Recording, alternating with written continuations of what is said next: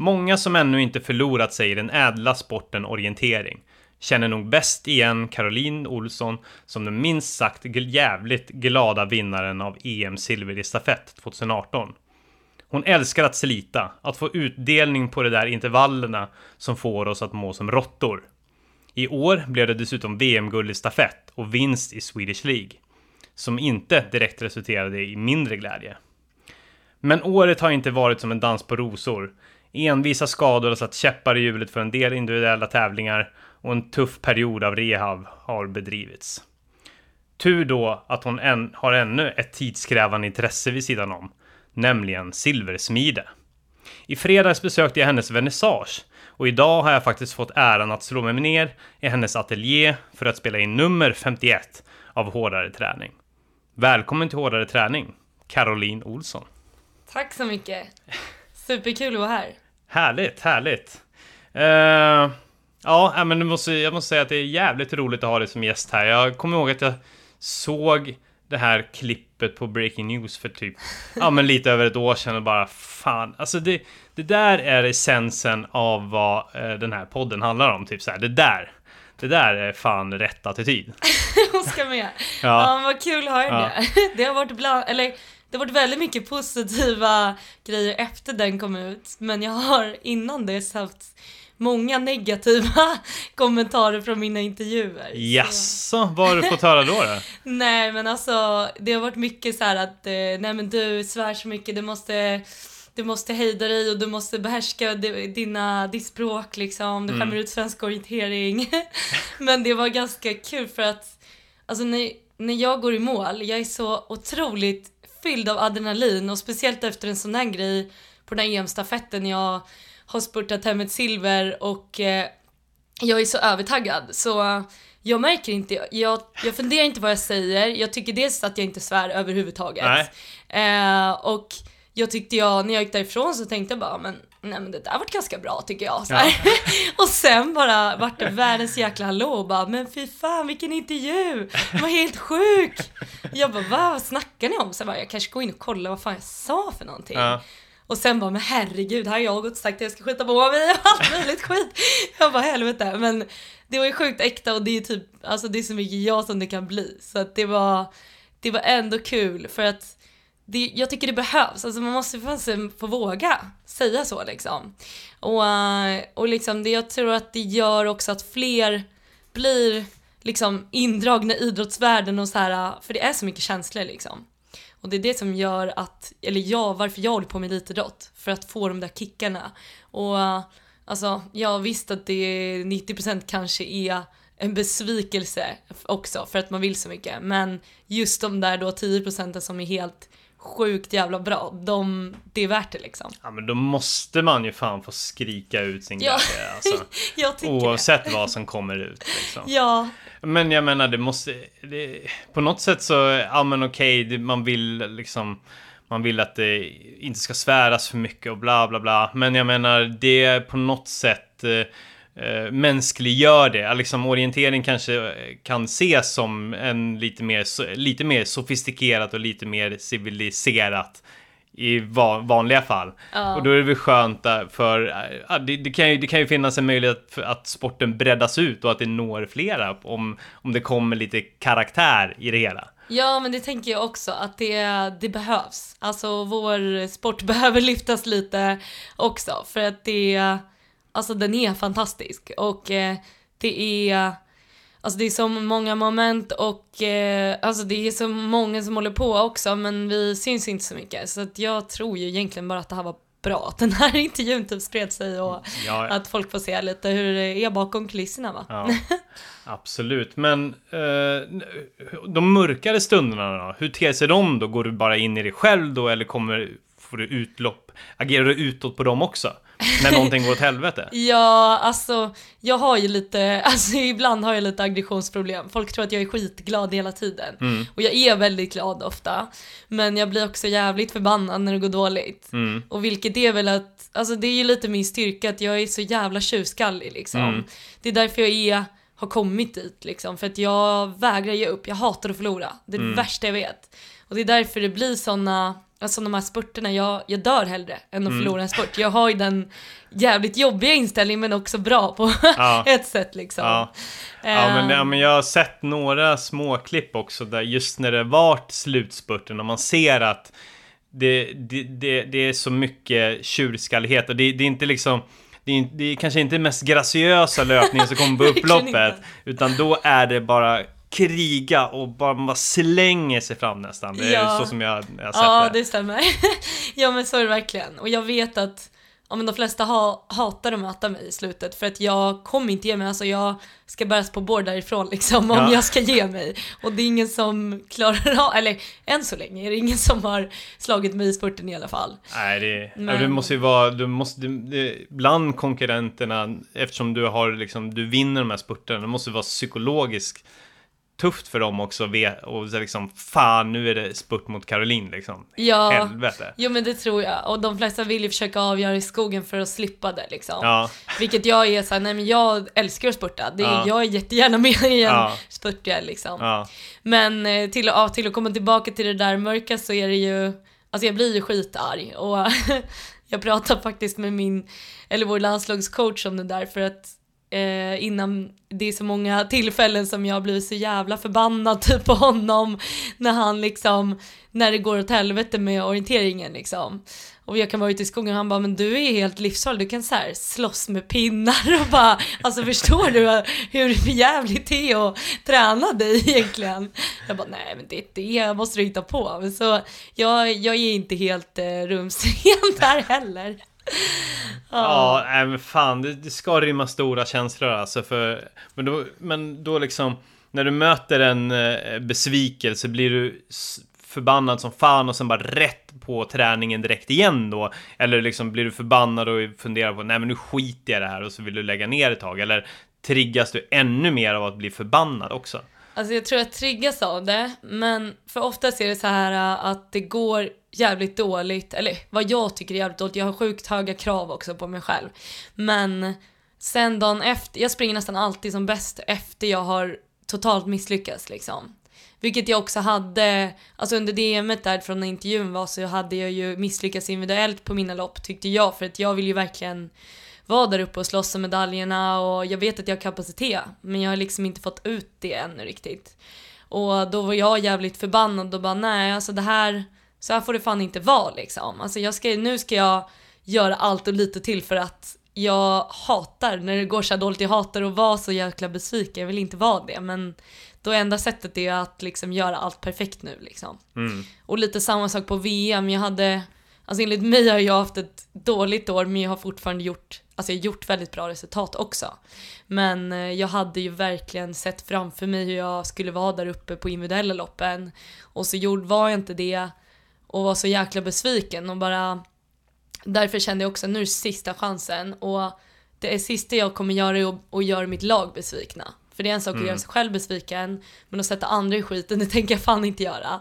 Eh, och därför har, kan jag nog hitta lite, liksom, gå in ännu djupare i den där jävla grottan Mm, och ja. bara ta fram extra mycket kraft liksom. Ja, Och sen gick det ju, sprang, gjorde jag mitt bästa lopp på stafetten istället liksom. ja, Så ja, jag har nog, jag är nog bra på att vända det liksom. ja, Även fast jag blir besviken, men det behövs, man måste få vara det också tror jag. ja. Eh, För, för just att göra den där vändningen, har, har du några liksom knep för att sadla om mentalt? Liksom, vad, vad går du igenom när du går från besvikelse till jävlar anamma? Liksom, när någonting har gått snett, vad, hur tänker du då för att komma tillbaka? Ja, alltså jag tycker att det är svårt för att jag blir ju så otroligt jävla arg liksom på mig själv och bara hur kan, jag vet ju vad jag kan men det jag liksom gjorde inte, jag följde inte min plan liksom. Och då blir jag ännu mer det, alltså jag tillåter mig själv oftast att vara jäkligt arg och besviken några timmar liksom efter loppet och bara nu får jag vara det. Och det får vara okej och sen när jag ja men då om vi är på ett VM, när jag kommer tillbaka till boendet då släpper jag det här nu och så tar jag med mig det jag behöver till imorgon liksom. Om det är tävling dagen efter. Eh, och vad var det som, vad var det jag inte gjorde rätt liksom. Mm. Eh, och sen har jag oftast lyckats vända det liksom, just för att jag, jag har lyckats ta med mig bara det här kommer jag göra till 110% imorgon istället liksom. Mm. Eh, och så nöter jag bara det i mitt huvud hela, hela natten och hela dagen och bara okej, okay, okej, okay, nu är det här ska jag göra, jag måste fokusera på min uppgift liksom. Mm. Och då går det oftast bra liksom. Mm. Uh, har, du, har du alltid haft den förmågan att alltså just göra den här vändningen eller har den kommit liksom på senare tid? Eller har du, ja, har du, liksom, har du alltid kunnat omvända eller har du liksom kunnat hålla dig nere i mörkret och de negativa tankarna längre förut? Eller? Ja, alltså jag tror att jag, alltså jag har väl kanske blivit bättre på det liksom men, men jag har nog alltid varit så här, alltså bra på att typ eh, vända om, liksom riktigt misslyckas ena dagen och sen mm. vara bäst andra dagen liksom. Mm. Det är så har det nästan alltid varit tror jag. Mm. I alla fall när jag har elitsatsat liksom. Mm. Mm. Så då har jag nog hängt med. Mm. Ja, det är en jävligt bra egenskap för, för liksom i en, i en sån sport av den, av den här sorten liksom.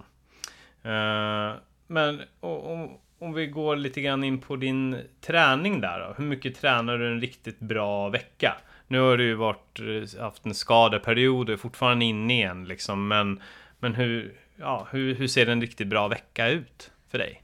Precis, det är ju, vi har ju som sagt väldigt lång säsong.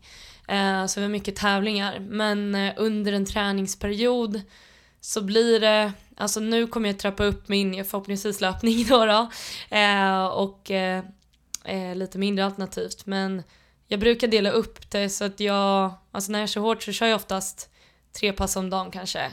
Mm. Eh, och då är det liksom, alltså är vi på läger då kanske man får ihop fyra timmar om dagen. Men eh, här hemma eh, brukar jag en bra vecka satsa på tre timmar om dagen.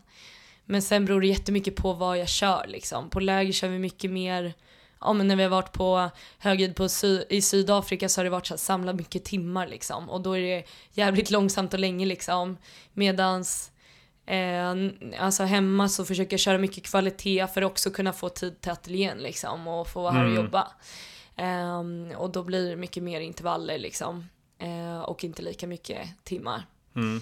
Så det, det, är väldigt, det är väldigt olika men under den här perioden under vintern, alltså december, eh, januari, februari, mars och ja, in på april, då är det väldigt mycket tid liksom. Ja, och lite mer lågintensivt eller hur, hur ser det ut? Ja, eller det är eh, längre, liksom, mycket mer längre intervaller liksom. Ja. Eh, och uh, mycket mer långpass medan sen mot säsong korta ner intervallerna och liksom få, få lite mer fart på benen. Mm. Men uh, det är så skillnad beroende på vad du ska träna för vi tränar väldigt specifikt liksom. Alltså vi har ju olika distanser och eh, vi tävlar både i stadsmiljö och i långdistansskogen. Mm. Och då, som i år går VM i, alltså då är det eh, sprint-VM, alltså i stan. Och då kommer det bli mycket mer liksom banlöpning, mycket mer asfalt. Mm. Medan i, i det här 2019 gick det, var det skogs-VM i Norge, väldigt tung terräng. Ja. Eh, och långdistans, medeldistans och då är det mycket så här nöta tungt, mycket lyfta knäna. Mm. Eh, vilket det inte kommer bli i år riktigt. Så ja, man får liksom, det ändras ganska mycket. Ja, precis. Så hur mycket bana kontra liksom asfalt eller var, vart håller ni hus liksom? Eh, det är jätteolika. Alltså är jag hemma här så blir det ganska mycket asfalt för att Ja men dels för att jag springer en del härifrån ateljén och den ligger inne i stan så att Ofta så kör jag, försöker köra mycket sprint. Det finns väldigt mycket fina sprintkartor i Stockholm eh, och på Söder här. Så uh, kör jag på lunchen och, och jag är helt skadefri så springer jag ofta sprintorientering. Mm. Eh, hemma på morgonen kan jag springa så blir det också oftast asfalt runt i, alltså runt i Nacka liksom, Hammarby sjöstad där. Eh, men sen på kvällen brukar det bli orientering och, och klubbträning i skogen liksom. Men sen har vi, jag kör ju på vinter mycket intervaller på Bosön till exempel och springer på bana. Så det, det är verkligen supervarierat. Ja. Och sen kör vi ju ja, men liksom, eh, skogsintervaller också. Eh, men en grej som jag tyckte gjorde, har gjort stor skillnad på mig, för mig, även fast det är Stockholm och det är svårt att få tag i bra backar, men just liksom springa mycket backe. Ja. Eh, för att man blir jävligt stark av det. Bara springa, då inför EM förra året, eller 2018 då, då eh, som gick i Schweiz så sprang jag liksom minst två distanspass i Hammarbybacken liksom upp och ner i två mm. timmar. eh, i veckan bara för att bygga upp liksom styrkan. Så det tror jag är skitbra. Man måste inte alltid springa backintervaller, man kan bara eh, vänja kroppen och springa upp och ner för och inte slitas av det liksom. Ja, precis. I ett lagom tempo. Ja exakt, då. det behöver Ja. inte gå fort liksom. Du, du sa ju att eh, per, eh, säsongen är väldigt lång. När, när, hur, hur sträcker den sig mer exakt liksom över året? Eh, ja, alltså det börjar, de riktiga tävlingarna, för vi är iväg och vi tävlar lite på läger och så, men det, det liksom räknar jag inte med. Ehm, för då släpper vi inte någonting på träningen. Men eh, de första stora tävlingarna är i april. Och sen håller den på hela vägen till, ja nu hade vi sista världscupen i oktober. Så det är verkligen hela, ja men eh, vår och sommar och hösten liksom. Hur många tävlingar är det då? Liksom? Är det liksom varje vecka? Liksom, eller? Ja, så oftast är det varje helg. Men sen är det ju inte, alltså det är inte lika mycket världscuper utan det är de här Swedish League-tävlingarna som är en serie och sen är det SM, en serie liksom med alla olika distanser. Eh, och sen är det liksom stora stafetter som 10 mila Jukkola i Finland. Och sen är det världscuprundor.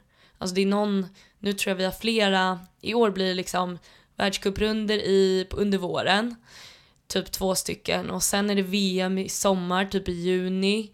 Och sen är det EM på hösten. Eh, och sen är det världscupavslutning. Så att det är verkligen det är mycket tävlingar liksom. Shit. Och hur, hur mycket hinner ni träna emellan tävlingarna då? Eller är det liksom, blir det många lugna vilodagar? Eller hur ser det ut?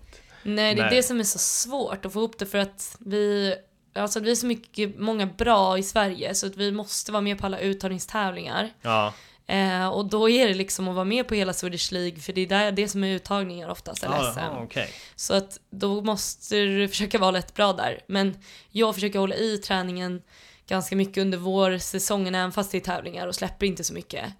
Eh, och sen släpper jag upp för världscup och VM liksom. Eh, och i år är det lite, alltså EM är varannat år så att i år blir det ju väldigt mycket nu 2020. Eh, så då får, då får man liksom tänka till lite hur man ska göra. Men ja, man lär sig lite det där. Alltså, ja men som ni, som man märkt har ju, alltså Tove är ju ex, Tove Alexandersson är ju ja, den bästa från Sverige och hon är ju Mm. extremt duktig på att pricka formen. Ja, Ehm, och jag har märkt att min kropp mår bra av att träna mycket. Jag är Ja. nästan absolut som bäst när, vi är, när jag är helt nedtränad i ja, januari, februari liksom. ja, Och sen ju mer jag släpper ju liksom, ju mer och mer pyser luften ur liksom. ja, ja, Så det jag har ju tänkt i, i år, vilket kanske är bra att jag är skadad nu, att jag har fått skjuta lite på det. mm, Och kanske kan träna eh, lite mer närmare liksom tävlingarna. ja, precis. Eh, Så ja, man får liksom lära sig sin kropp lite och det tar ju tid, det är svårt, man måste prova sig fram liksom. Mm.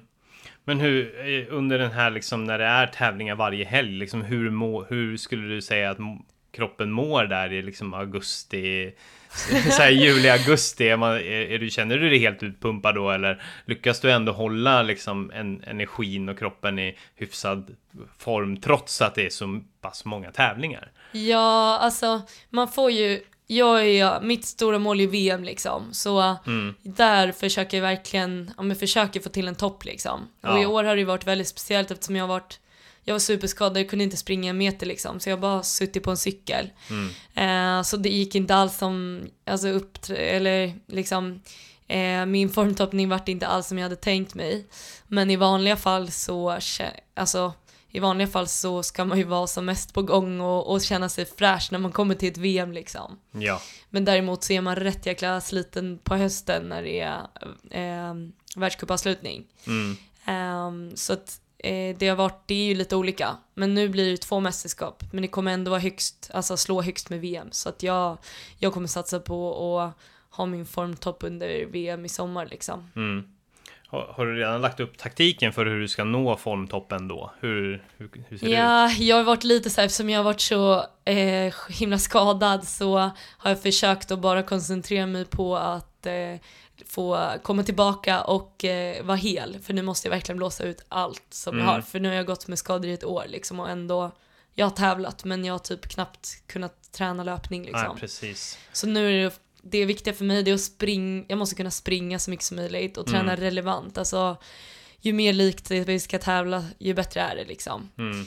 Så det blir nog, det som är, är speciellt i år att det, vi har börjat med knockout. Eh, så knockout sprint, det funkar, för de som har kollat på skidor så det, funkar det likadant. Med liksom eh, kval och sem, eller kvartsfinal, semifinal och så final. Så åker man ut liksom.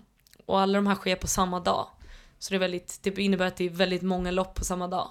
Okej. Och det är någonting, knockout passar mig som eh, orienterar väldigt bra och löpare just för att jag är så explosiv och är duktig på att spurta. Ja. Eh, vilket det blir hela tiden liksom. Man har olika banor så det är svårt, det kan hända mycket under loppen men det är väldigt taktiskt liksom.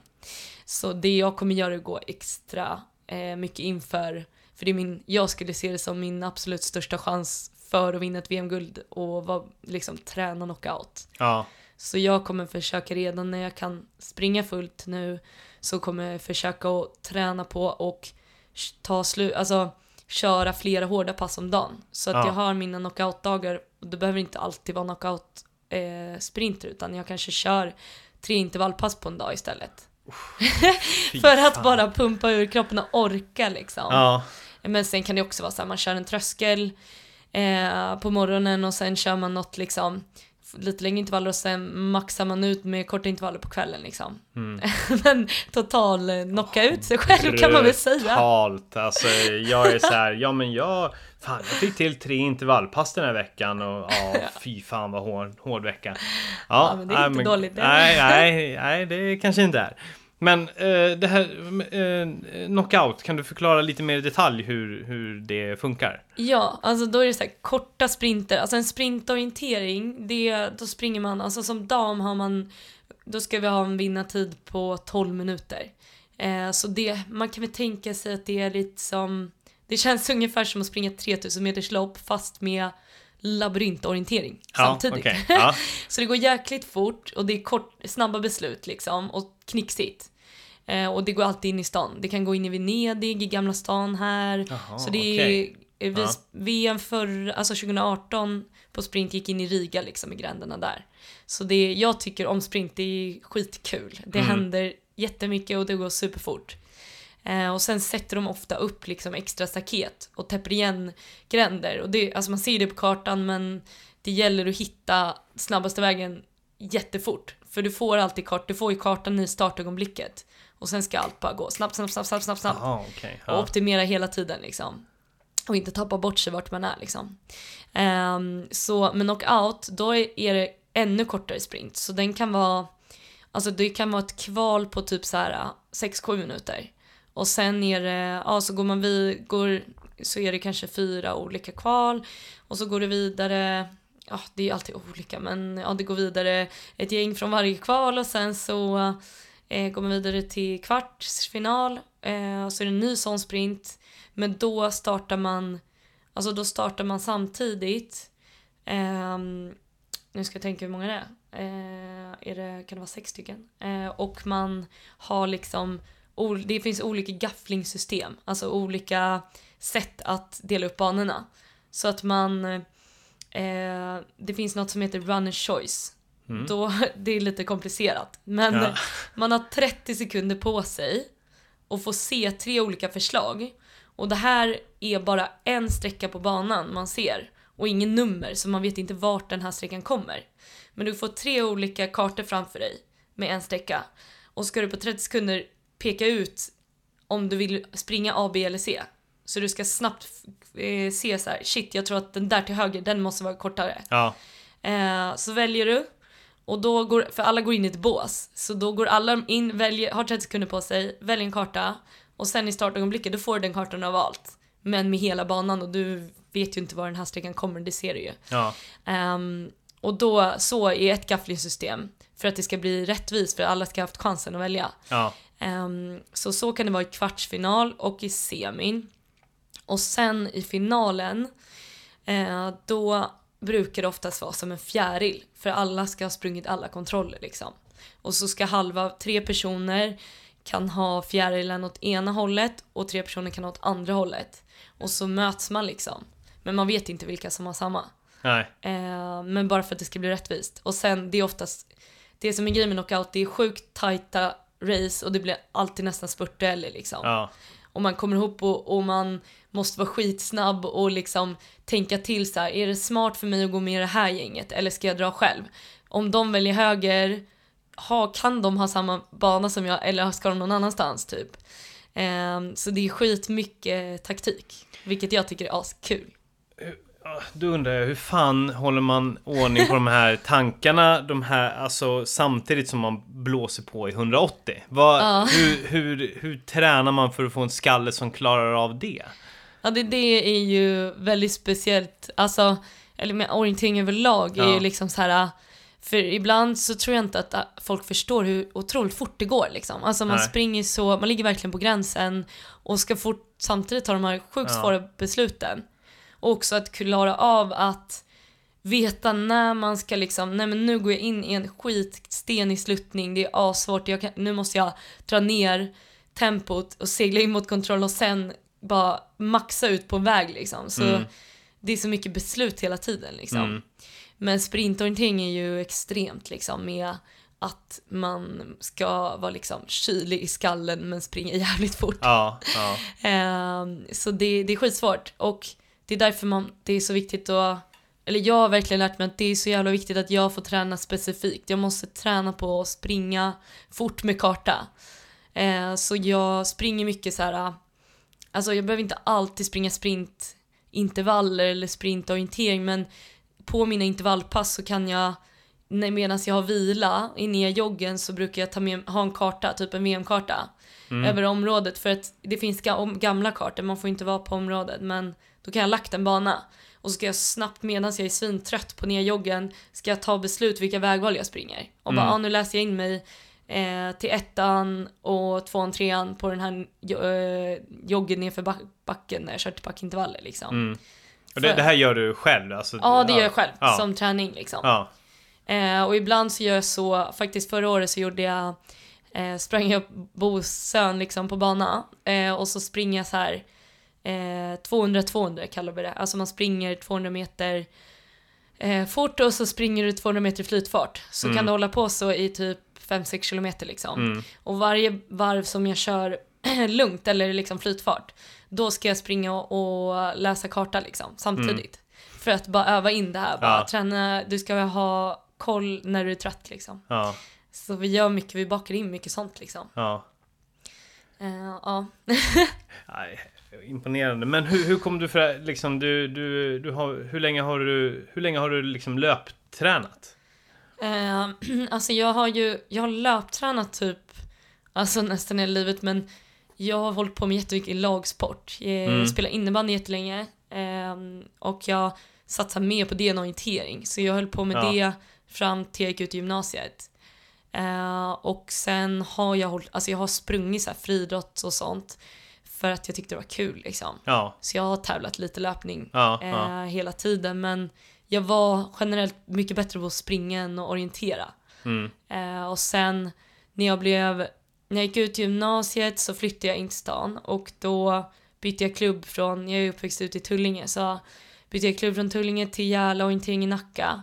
Och så började jag träna ganska mycket med grabbarna där Mm. och fick världens skjuts liksom av att kunna sparra mig mot dem på intervallerna och blev jättemycket bättre. Mm.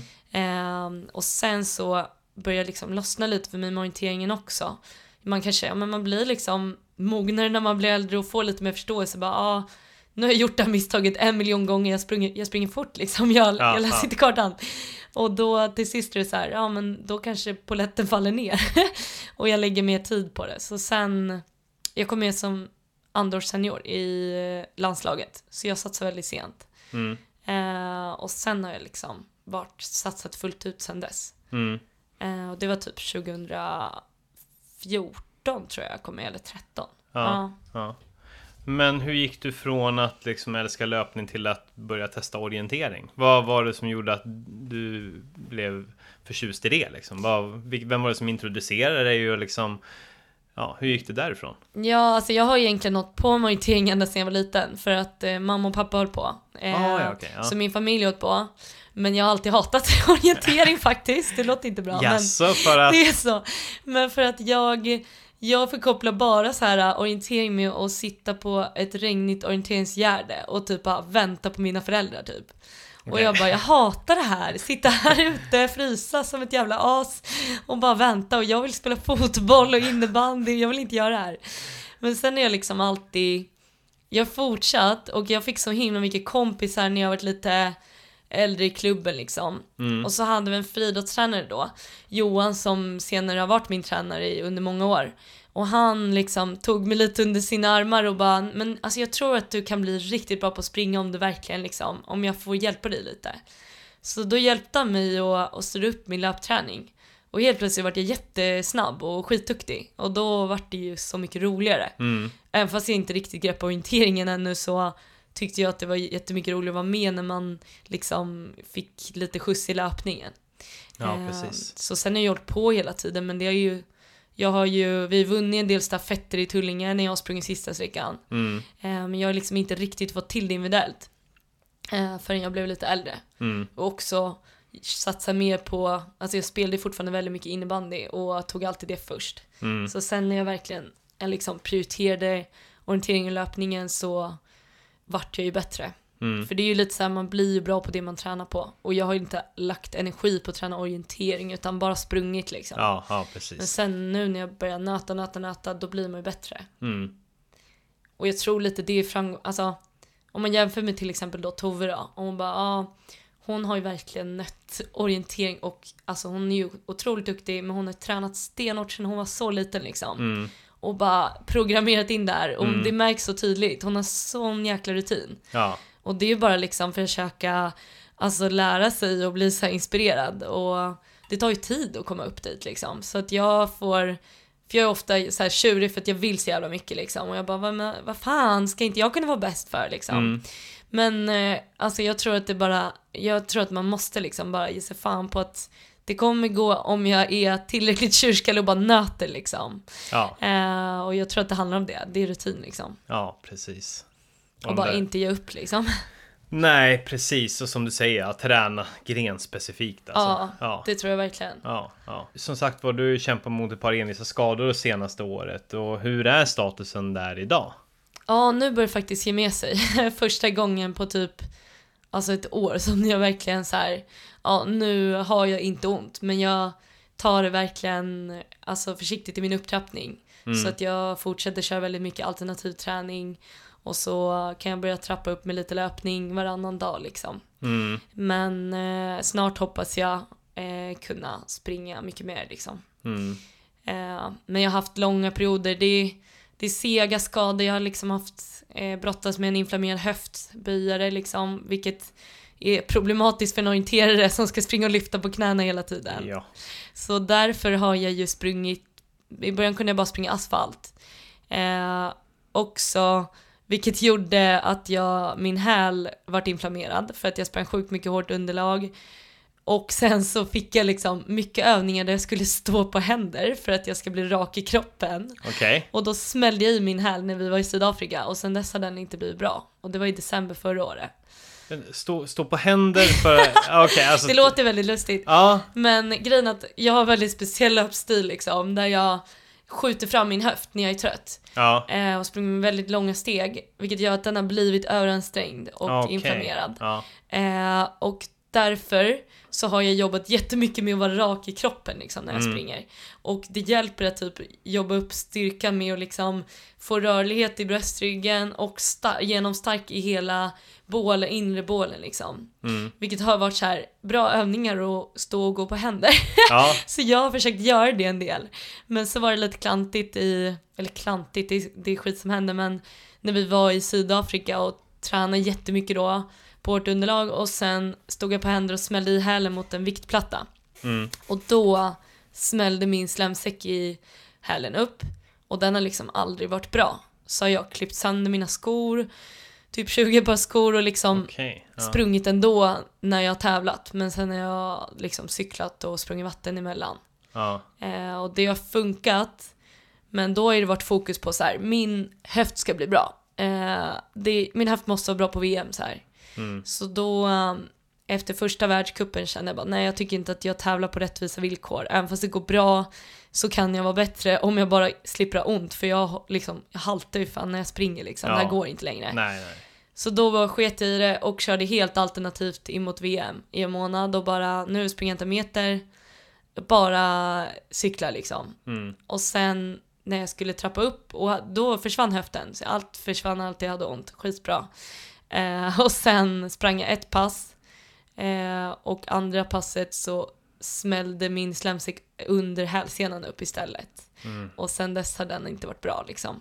Fan. Sen sprang jag VM ändå och hade ont men det var också, det var ett beslut jag tog för att Dels för att eh, de trodde inte det skulle bli sämre och Mm. jag tänkte, jag hade tränat för ett år och kände bara men vad fan jag ska, jag ska vara med, alltså jag, Mm. jag kan inte skita det här nu, nu har jag kämpat Mm. så jävla hårt.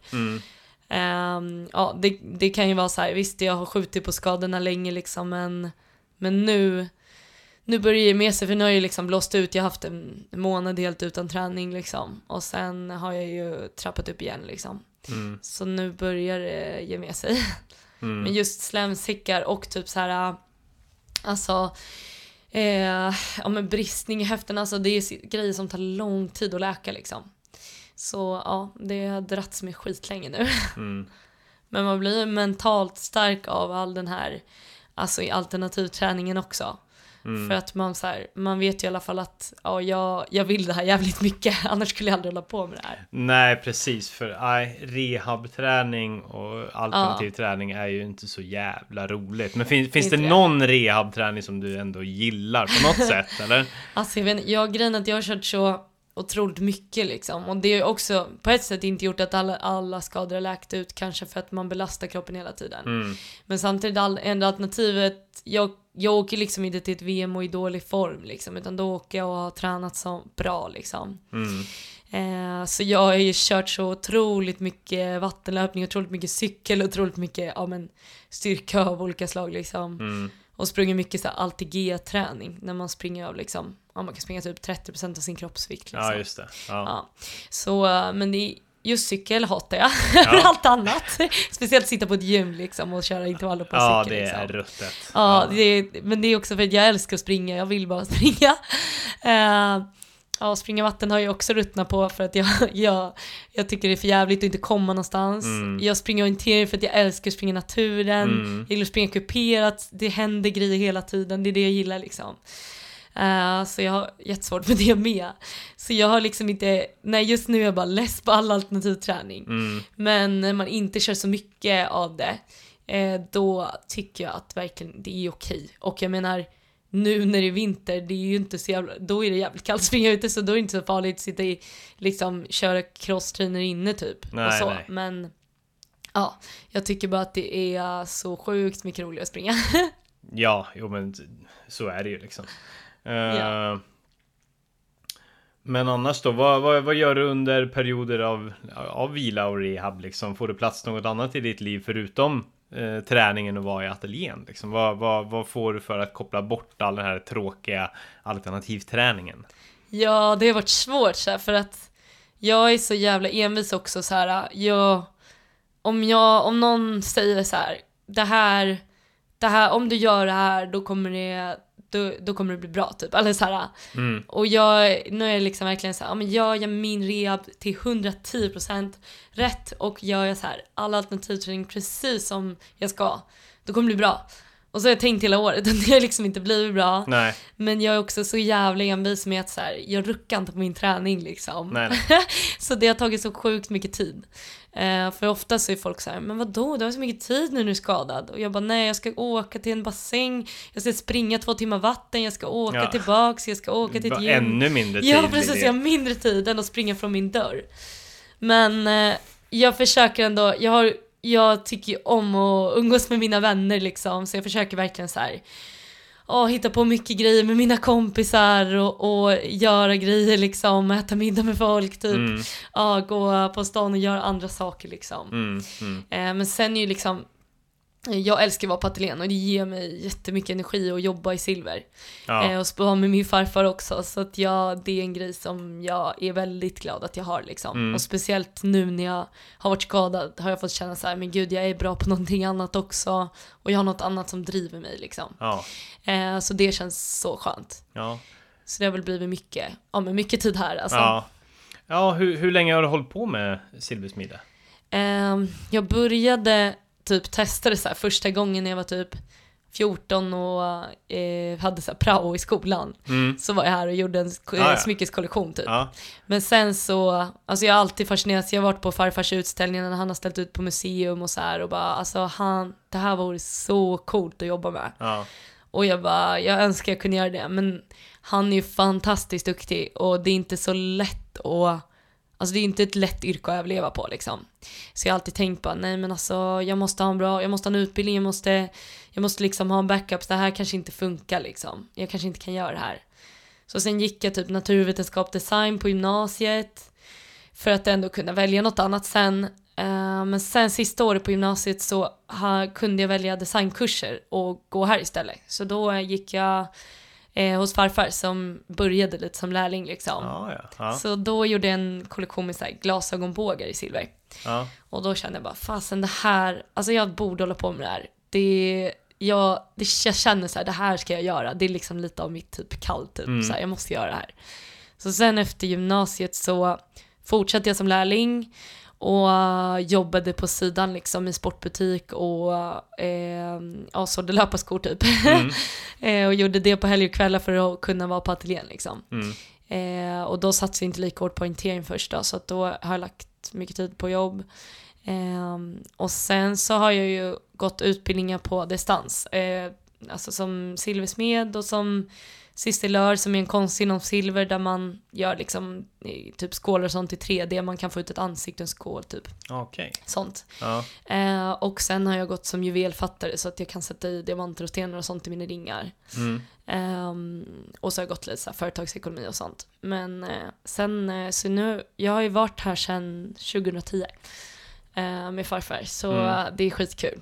Fan vad mysigt. Så, ja, det, det, det, ja, för er som, ja, det, nu ser ni inte ni hur det ser ut här, men det är otroligt mysigt. Jag, som sagt var var jag här i fredags, så det, ja, det, det är en gemytlig, man känner ju själv att ja, här, skulle man, här skulle man kunna finna lugn och ro och jäkligt mycket skaparglädje. Eller hur? ja. Ja, Det är lite museumstyle. Ja, man blir lite lätt avundsjuk. Ja, precis.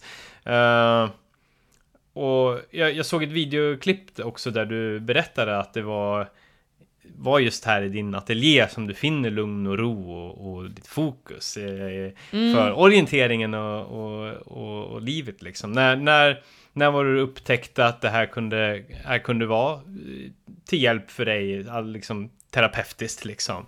Att det, att det hjälpte dig också i livet liksom? Ja, alltså jag är väldigt så här, jag har sjukt mycket bollar i luften liksom. Ja. Jag gör grejer konstant hela tiden. Eh, jag har liksom lite svårt att typ sitta still.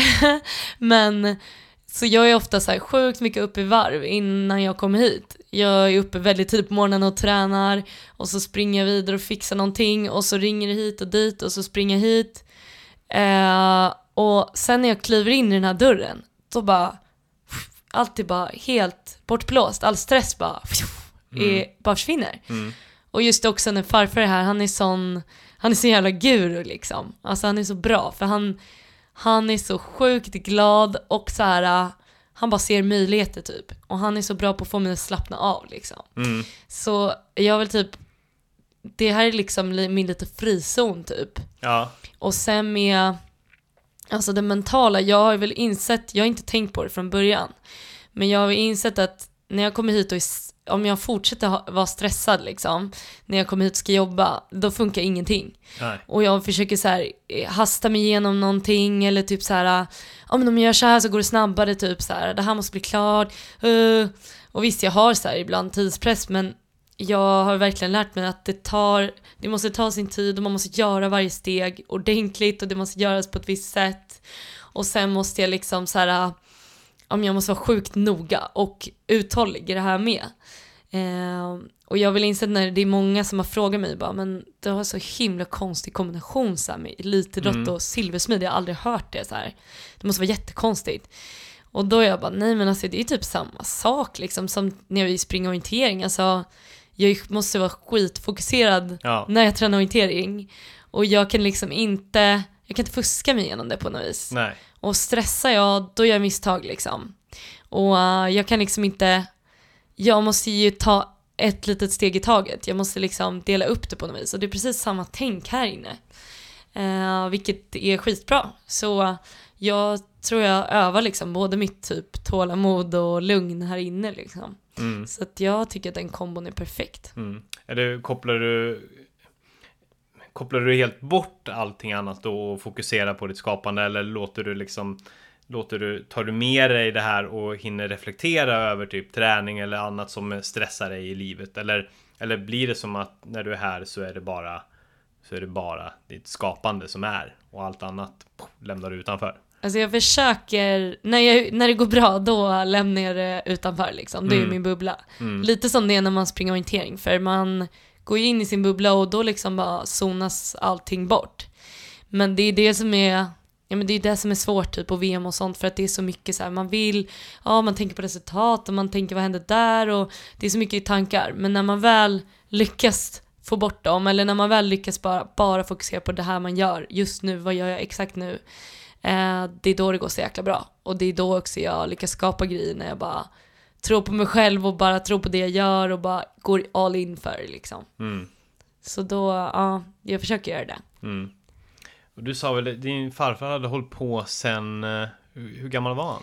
Alltså han var typ 13 år första gången han började hålla på med silver.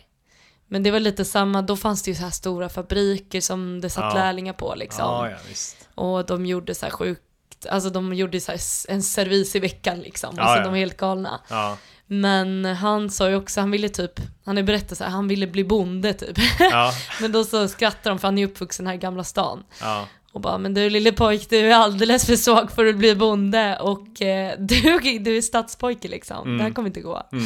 Nu får du tänka om.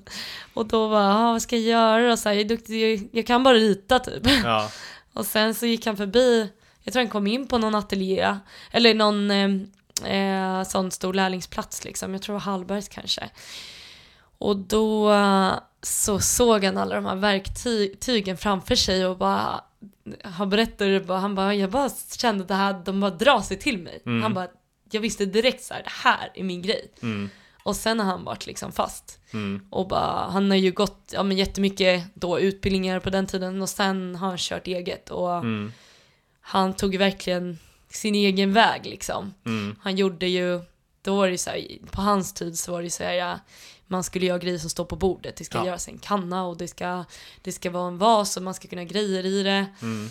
Medan han bara, nej men alltså jag vill göra hattar och skor i Ja. verklig storlek och jag vill, göra, jag vill bara göra så här sjuka grejer. Ja, Och så gjorde han det och då vart ju han lite så här, ja den eh, galna silversmeden liksom. ja, Men, eh, men det var ju sen han slog igenom och alla Ja. ville ha hans grejer och tyckte han är ju fantastisk konstnär och liksom fantastisk hantverkare.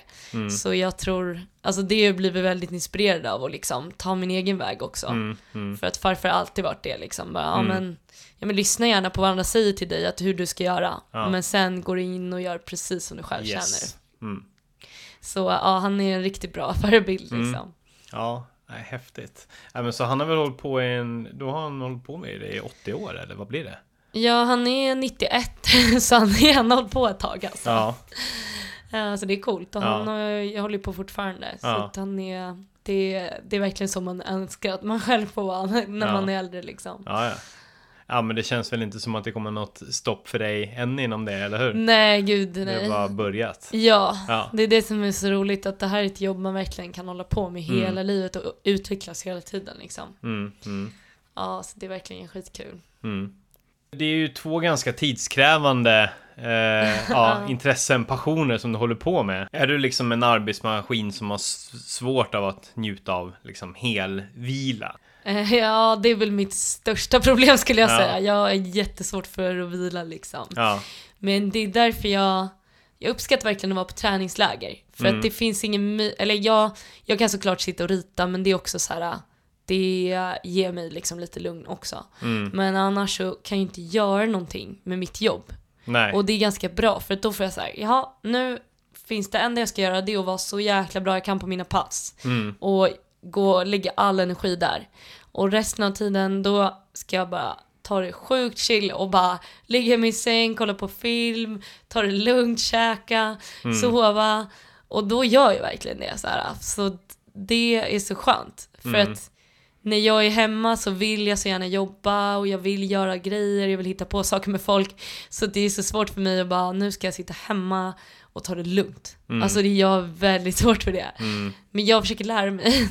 och den här, det är faktiskt första gången någonsin jag har kunnat tagit en månad utan träning. Alltså Ja.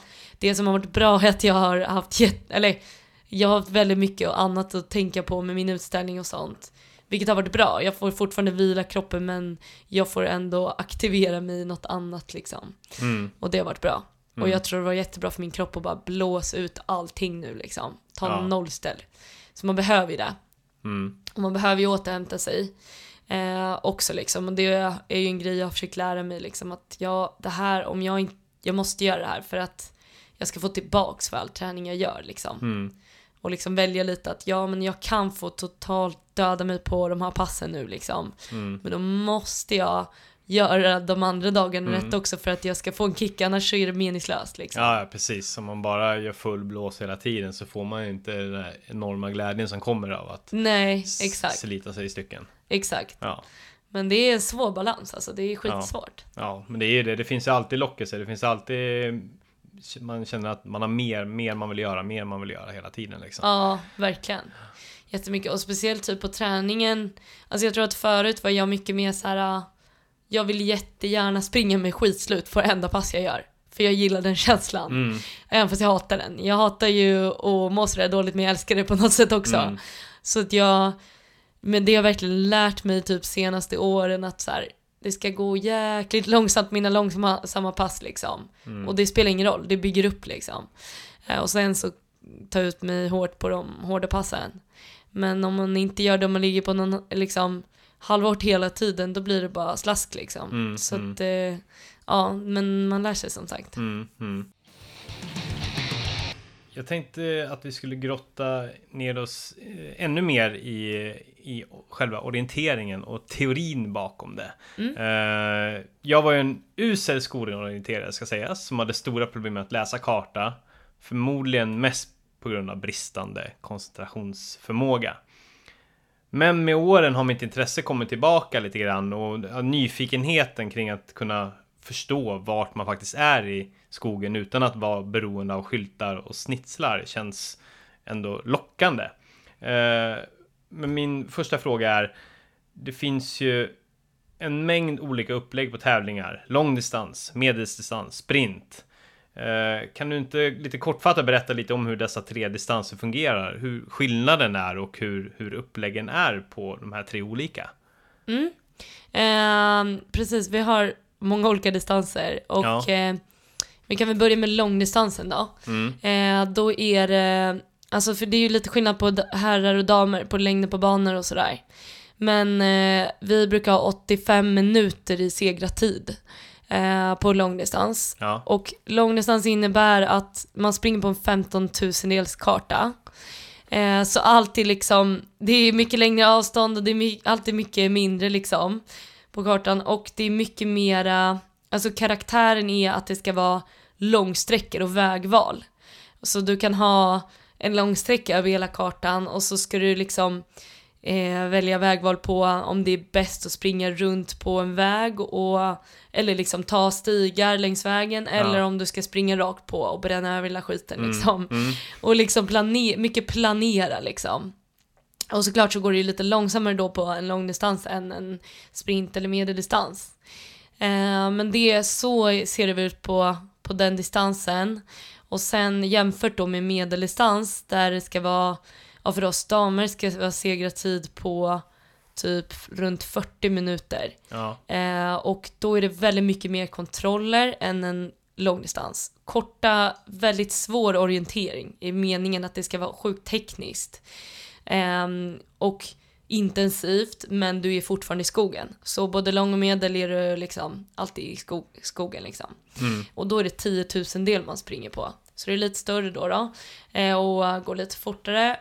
Eh, och sen så då har vi sprinten som går in i stan. Och då är det meningen att vi damer ska ha en segertid på 12 minuter. Eh, sen ibland, alltså ibland blir det jättefel, då blir det typ 17 minuter. Ja, man ja. går ut i en annan, en annan fart. Men det är meningen att det ska vara det. Mm. Och det går, det är, vi springer, det är oftast 1 till 4 tusen del. Och allt går väldigt fort. Mycket, det är alltid stadsmiljö, hårt under, eller nej det är ibland är det park faktiskt, det ska, det ska jag nog säga. Mm. Eh, men oftast är det stadsmiljö och eh, oftast har det ganska mycket kontroller där med. Och det ska vara tekniskt och det ska vara mycket, ja men alla, väldigt snabba beslut och det är ganska mycket, där har de det här, det är andra regler i sprint än medel och långdistans. Eh, och där är det typ så här, alltså det finns jättemycket olika regler men det är andra färger, alltså i skogen får du ju liksom, du får hoppa över allting. Det enda du inte får göra är typ att simma liksom. Ja, det Ja, beror på om ja. de rit, hur de ritar det. Men, Mm. men eh, på en sprint, där är det så här, du får inte passera murar, du får liksom inte hoppa över hus, alltså du får inte ta, du får inte göra förbjudna grejer. Och Nej, därför nej. ställer de upp staket för att de ska göra fler vägval. Så man ska, det blir som en labyrint liksom. Mm. Och då får du inte typ hoppa över staketen och du får inte klippa massa rabatter, springa rakt över dem. Nej. Utan det ska bli att det är vägvalsorientering liksom. Mm. Mm. Ehm, och den är ju, ja men jag sk- beskriver ju mer som att blanda typ ett liksom löplopp med orientering. Typ. Ja, det går ja. väldigt fort. Ja. Ehm, och sen finns det ju då stafetter, då är skogsstafett som är i medeldistanskaraktär, också 10 000 del. Likt medeldistans fast vi är tre stycken tjejer som kör. Mm. Ehm, tre sträckor och sen så finns det sprintstafett och då springer man sprint men man är två tjejer och två killar som springer i ett lag. Mm. Så då är det fyra personer. Ehm, så det är de distanserna vi har. Mm. Eh, När ni tog VM-guld eh, här i år, vad, vad, vilken, vad, vilken distans var det på? Var det sprintstafetten eller vad var det? Nej, i år, alltså 2019, då var det då var det skogsstafett vi tog VM-guld på. För då var det, nu har de delat upp, förut var det blandat att det fanns alla distanser på ett VM. Ehm, men nu har de börjat med att varannat år är skog och varannat år är sprint. Så nu var det bara skog, så då hade vi bara en stafett och då var det tre tjejer. Ehm, men för året innan så tog vi också VM-guld, fast i sprintstafett. Och då var det Ja. två killar och två tjejer. Mm. Så eh, ja, det är olika. Och då vanns det både skog och sprint i samma. Mm. Mm. Så i år är det sprintstafett igen då. Mm. Ja, och vad, vad är eh, liksom din favorit? Om du får nämna en liksom. Mm, jag har ju liksom haft min styrka i sprinten. Ja. Just för att jag är så explosiv, har tränat mycket hårt underlag och så här. Eh, och jag gillar, alltså jag gillar ju sprintorientering för att det går så fort liksom. Och det är så mycket snabba beslut. Och för mig är det, det är ju lite så här, jag blir, jag blir lite rastlös och uttråkad typ. Mm. Så att jag, för mm, min personlighet, jag måste liksom fylla min hjärna med någonting hela tiden. Och på sprint är det så bra för det finns ingen period med vila. Alltså, Mm, du måste nej. bara konstant bara tick, tick, tick, det händer grejer hela Mm. tiden. Och det gör att jag blir instängd i min zon typ.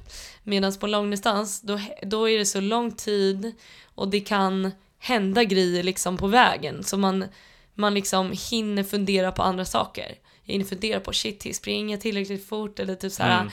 åh, tog jag fel nu? Alltså lite med sånt. Och därför har jag haft lite svårare att få till det på långdistans. Mm. Um, medeldistans tycker jag är skitkul och blir, har blivit mycket bättre på.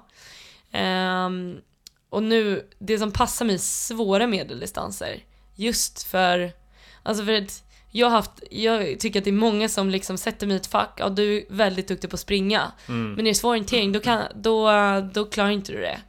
Men det var så skönt för att jag vet att egentligen är det bättre för mig med svår orientering för att jag inte får de här tiden att tänka på något annat. Mm. Så förra året så var det världscupavslutning i Tjeckien.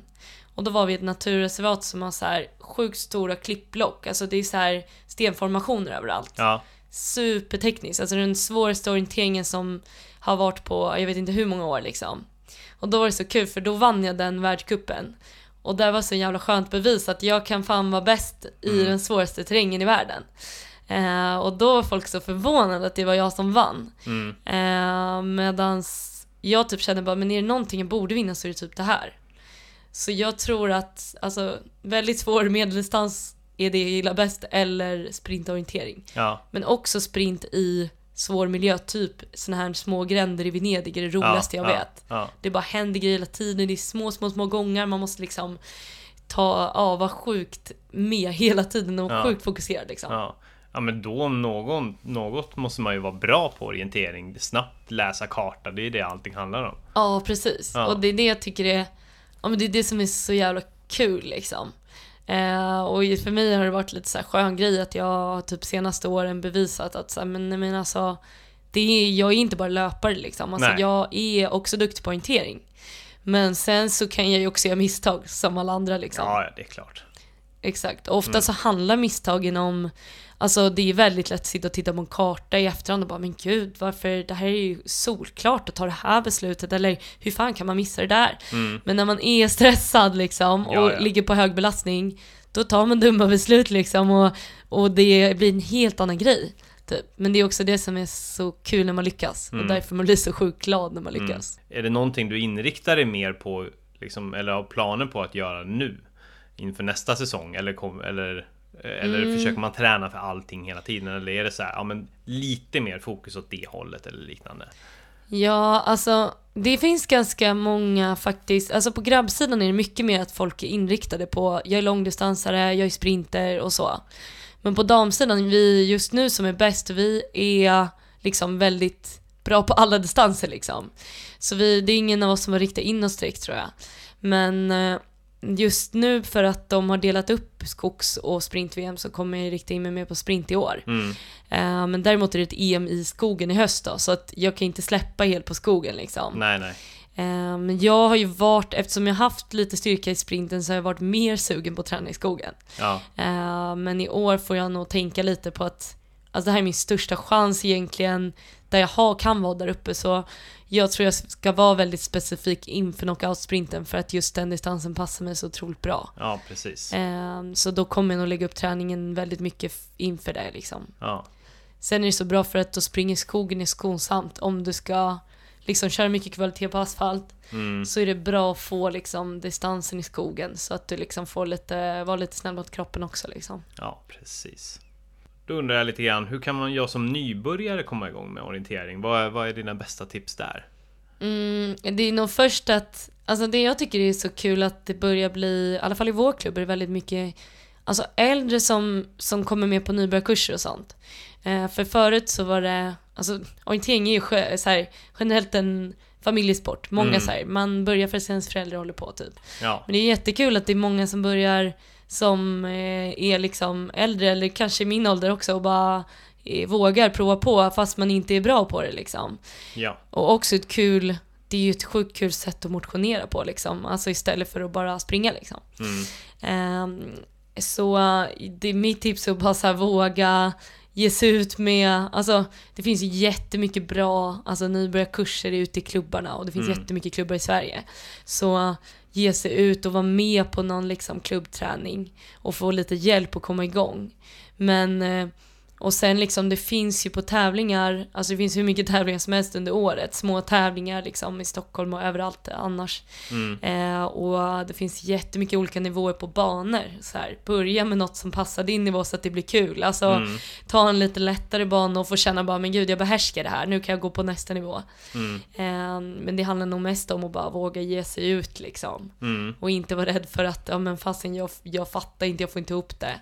Nej, Men därför är det nog bra att gå på en nybörjarkurs för att det är ju en del grunder liksom. Som, alltså också saker som jag liksom märker nu bara, men gud, jag, alltså, jag har verkligen inte satt mig in i tekniken så mycket som jag gjort senaste, alltså fem åren. mm. Jag har liksom inte, alltså bara det här med höjdkurvor liksom, alltså bara förstå liksom att, ja men det är ganska logiskt när du väl tittar bara, men gud alltså, om jag är rätt så ska det luta åt till vänster om mig liksom. Mm. Alltså då är jag på rätt, rätt sida liksom. Alltså så här, allt går så fort så att jag, alltså när man, för i början, alltså då, det är ju det som händer när man är bra på orientering, då gör man inte lika stora misstag. Då Nej. kan man få ner sitt misstag till någon minut eller 30 sekunder. Medan när man är, när man är lite nybörjare, ja då kanske det blir en 10 minuters mi- miss där istället. Mm. Men här att snabbt kunna läsa in sig, typ så här, vad är rimligt? Är det rimligt att jag tror att jag är på andra sidan berget nu? Nej, Mm. men det, har, det kan omöjligt ha hänt. Mm. Och typ så här, äh, vad har jag passerat? Jag måste, typ så här, det man lär sig, det är ju att inte släppa kartan så här. Jag springer inte utan att ha koll typ. Nej. Hur länge som helst. För det, var, Nej. det kommer jag väl ihåg lite sen när jag var yngre att jag bara, men jag kunde ju hålla på och springa i typ så här. Alltså i, i 5-10 minuter utan att titta på kartan Du har, riktigt. du har tagit en riktning Ja. och tänker att nu springer jag bara dit Ja. och så länge jag... Men, Så läser jag in mig sen och det funkar liksom inte i, såna här, i svåra terränger. Nej. Utan man måste bara, okej, det är ett litet tips som jag har, som jag har lärt mig sen, eller liksom när jag började träna med orientering var att jag pratade med mig själv. Typ såhär, jag sprang och bara, okej branten till höger, Ja. till vänster kommer mossen, till höger går det upp eh, en stig och typ såhär, Ja. ja nu passerar jag bäcken. För att då var det så här. men gud jag har ju faktiskt sagt till mig själv att jag var vid bäcken nyss. Ja men fan jag är ju där. Alltså Ja. så här, då blir allt så jävla lätt. Ja. Men det låter lite muppigt liksom, men det gjorde faktiskt att jag blev skitmycket bättre. Mm. För att det var, fick mig också vara så här, tvinga mig själv och ha koncentration hela tiden Mm. typ. Mm. Så det tror jag är en bra grej. Mm. Ja, men det, det som lockar mig med att och faktiskt, för jag, jag kan inte läsa en karta, så är det bara i dagsläget. Men, så här, men det som har lockat mig, det är att jag, känt, jag känner mig så begränsad. Så här, jag, eh, jag springer kanske på ett elljusspår eller på en lite bredare stig i skogen och så bara fan, jag skulle ju vilja, jag skulle vilja utforska lite grann. Men jag bara såhär, Ja. nej men då, ja, men då är jag lost liksom. Ja, Eller liksom det, det, det blir en hämning liksom. Jag känner att man inte kan naturen ordentligt liksom. Men som, som du kan ju väl i, i princip, bara du har kartan med dig kan du ju ränna in vad fan som helst och ändå fatta vart du är någonstans. ja, oftast liksom. Så att, men det som är kul är att det finns mycket sån här, alltså som vi har i Nacka, vi friska Nacka. Mm. Och då är det ju massa kontroller som sitter ute året om som man, eh, man kan plocka liksom eh, och samla poäng. Men då finns det ju stora kartor liksom över hela Nacka som man kan Ja. använda och det är en bra start liksom. Och bara men nu ska jag ut och springa ett långpass här. Fan jag tar med mig den där kartan, den skickas ut till alla liksom. Mm. Eh, och så tar, tar jag och springer förbi några kontroller så börjar man komma in i det liksom. Mm. Och då kan ju det vara stigkorsningar. Men då får du ändå just att öva med att springa med en karta och hålla koll på vad jag är typ. Mm. Och då blir det mycket mer så här, men fan när jag springer i skogen på sti, småstigar istället, det är kanske lite roligare än att bara springa min gamla runda runt, ja men, något liksom huskvarter. Ja, precis. Så att, eh, ja, jag tycker att det är helt sjukt mycket roligare att springa i skogen liksom. Mm. Och just sen när man börjar bli lite mer van att bara kunna få springa men rakt ut i ingenstans liksom och Mm. bara njuta av den naturen för det är coolt. Det är ju en frihetskänsla som, Ja. som är ganska svårslagen, kan Verkligen, jag tänka mig. verkligen. Ja. Och det som är fint med vår sport det är typ, alltså som nu när vi firade mitt VM-guld i somras i klubben.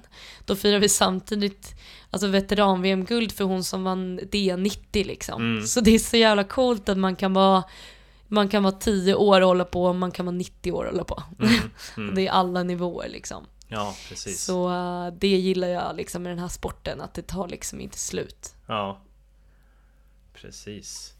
Eh, men då, ja, då, då kan man helt enkelt gå till en, ja, en orienteringsklubb som, Ja. som den du är med i. Exakt. Ja, Eh, så det finns ju, alltså bara här i Stockholm, nu slår jag ett slag för Järla för att vi är en Mm. sjukt bra klubb.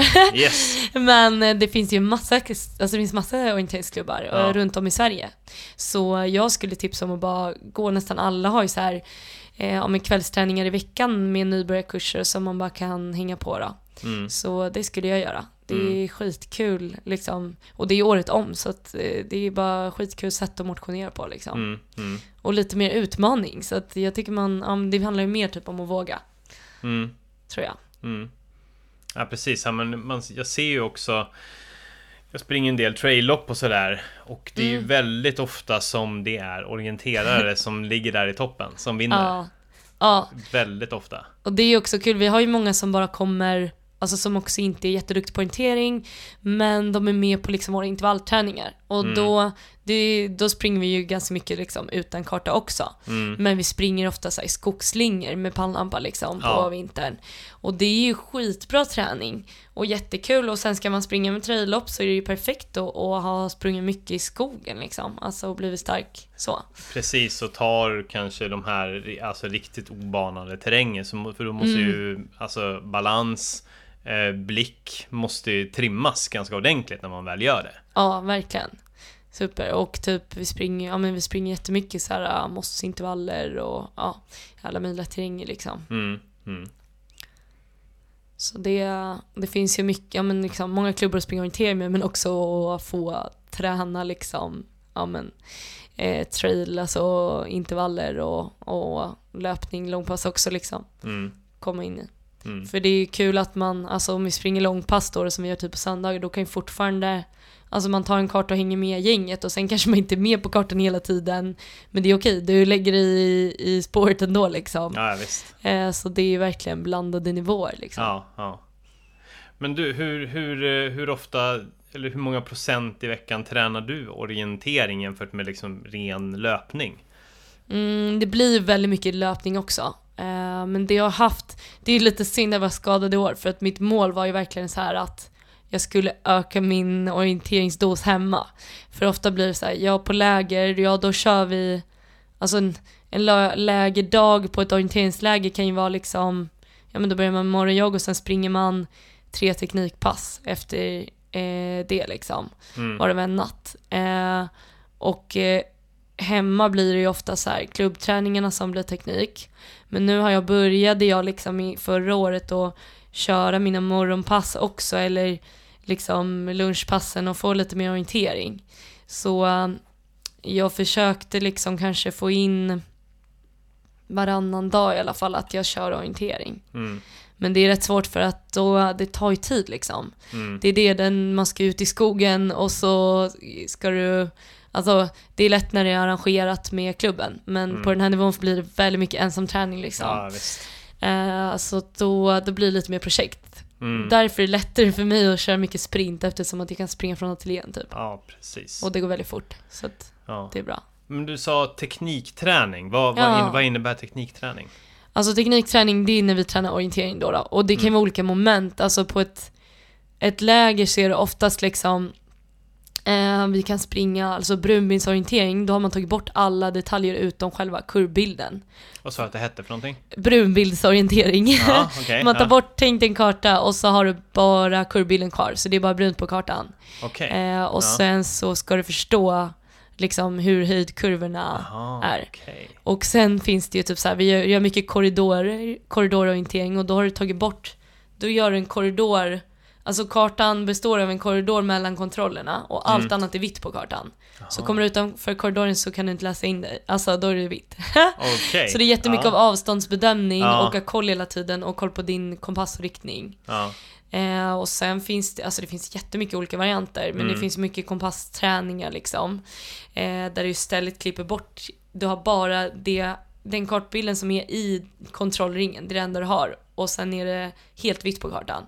Och då ska du bara ha känsla för att du har sprungit tillräckligt länge och att du, Mhm. eh, att du vet att du har haft riktning, för om du inte kommer fel så kan du inte läsa in det heller. Så på läger är det ganska coolt på landslagsläger, vi springer liksom sådana här grejer på nattorientering. Och Mm. det är skitsvårt, alltså det är verkligen så jävla svårt. Oh, shit. Men man eh, blir sjukt mycket bättre och man blir så jävla stolt när man klarar det liksom. Ja. Ehm, så det, det är jag så här, lite stolt över mig själv att jag bara, men gud, alltså för några år sedan jag bara, alltså, jag hade inte tagit den här kartan, aldrig inom mitt liv att jag ut mig på Mm. nattorientering med korridor brunbild. Alltså en korridor som bara är kurvbild.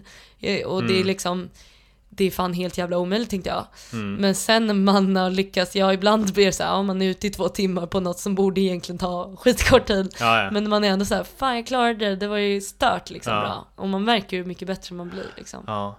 ja, men det må, måste vara så mycket, ja, alltså ett till, alltså, kä- alltså att registrera hur mycket höjdmeter man är på. Alltså Ja, bara, precis. bara registrera den känslan och avgöra. Ja, det är ju, alltså det är jättemycket det. Och det är mycket, ja men känsla för liksom, eh, hur, mycket, hur långt jag har sprungit, har jag, har jag sprung, har jag, har jag hållit rätt riktning, typ så här. Eh, och då det här med, därför jag tränar mycket kurbil för jag ska ha känsla så här. ha nu lutar det, vilka håll lutar det här åt om jag bara har en kurbil, alltså jättedetaljerat. Det kan vara rätt svårt att se.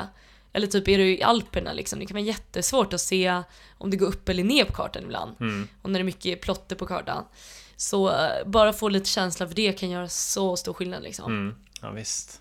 Jag, jag tänker att man måste bli ganska bra på att eh, ja, men avgöra hur mycket lutning man är i då också. Nu tänker jag är Ja. konstigt. Men, men man måste bli ganska bra på att avgöra hur mycket man ska springa. Eh, hur hårt man ska springa vid vissa lutningar för att inte slita ut sig själv. Ja, så Bara- det är mycket så vid vägval. Att man tittar så här, ja men gud, här är skitmycket höjdkurvor. Mm. Det kommer bli skitbrant. Nej men jag kanske, om jag är smart så väljer det där, då blir det inte bara att jag dunkar upp för en världens backe och ner igen. Ja. Fan då springer jag runt här på platån, det är mycket smartare liksom. Mm. Eh, eller typ, men det är också mycket så här, hur tar jag kontrollen bäst? Hur är det lättast för mig att ta kontrollen? Är det uppifrån, är det nerifrån beroende på, ska jag ha en brant? Ja, då vill jag nog komma nerifrån, annars ser jag den inte. Mm. Eh, ska jag ha en sänka? Ja, då vill jag komma från här. Alltså, så det är så olika, eller ska jag ha en sten på en sluttning? Mm. Ja, om jag kommer här då är det 5000 miljoner stenar, jag kommer Ja, inte fatta någonting. Ja. Men eh, jättemycket så här, man märker så tydligt på mästerskap, har man inte planerat sin väg, att man har fått springa alldeles för mycket upp för liksom, då eh, tappar man så otroligt mycket tid. Mm.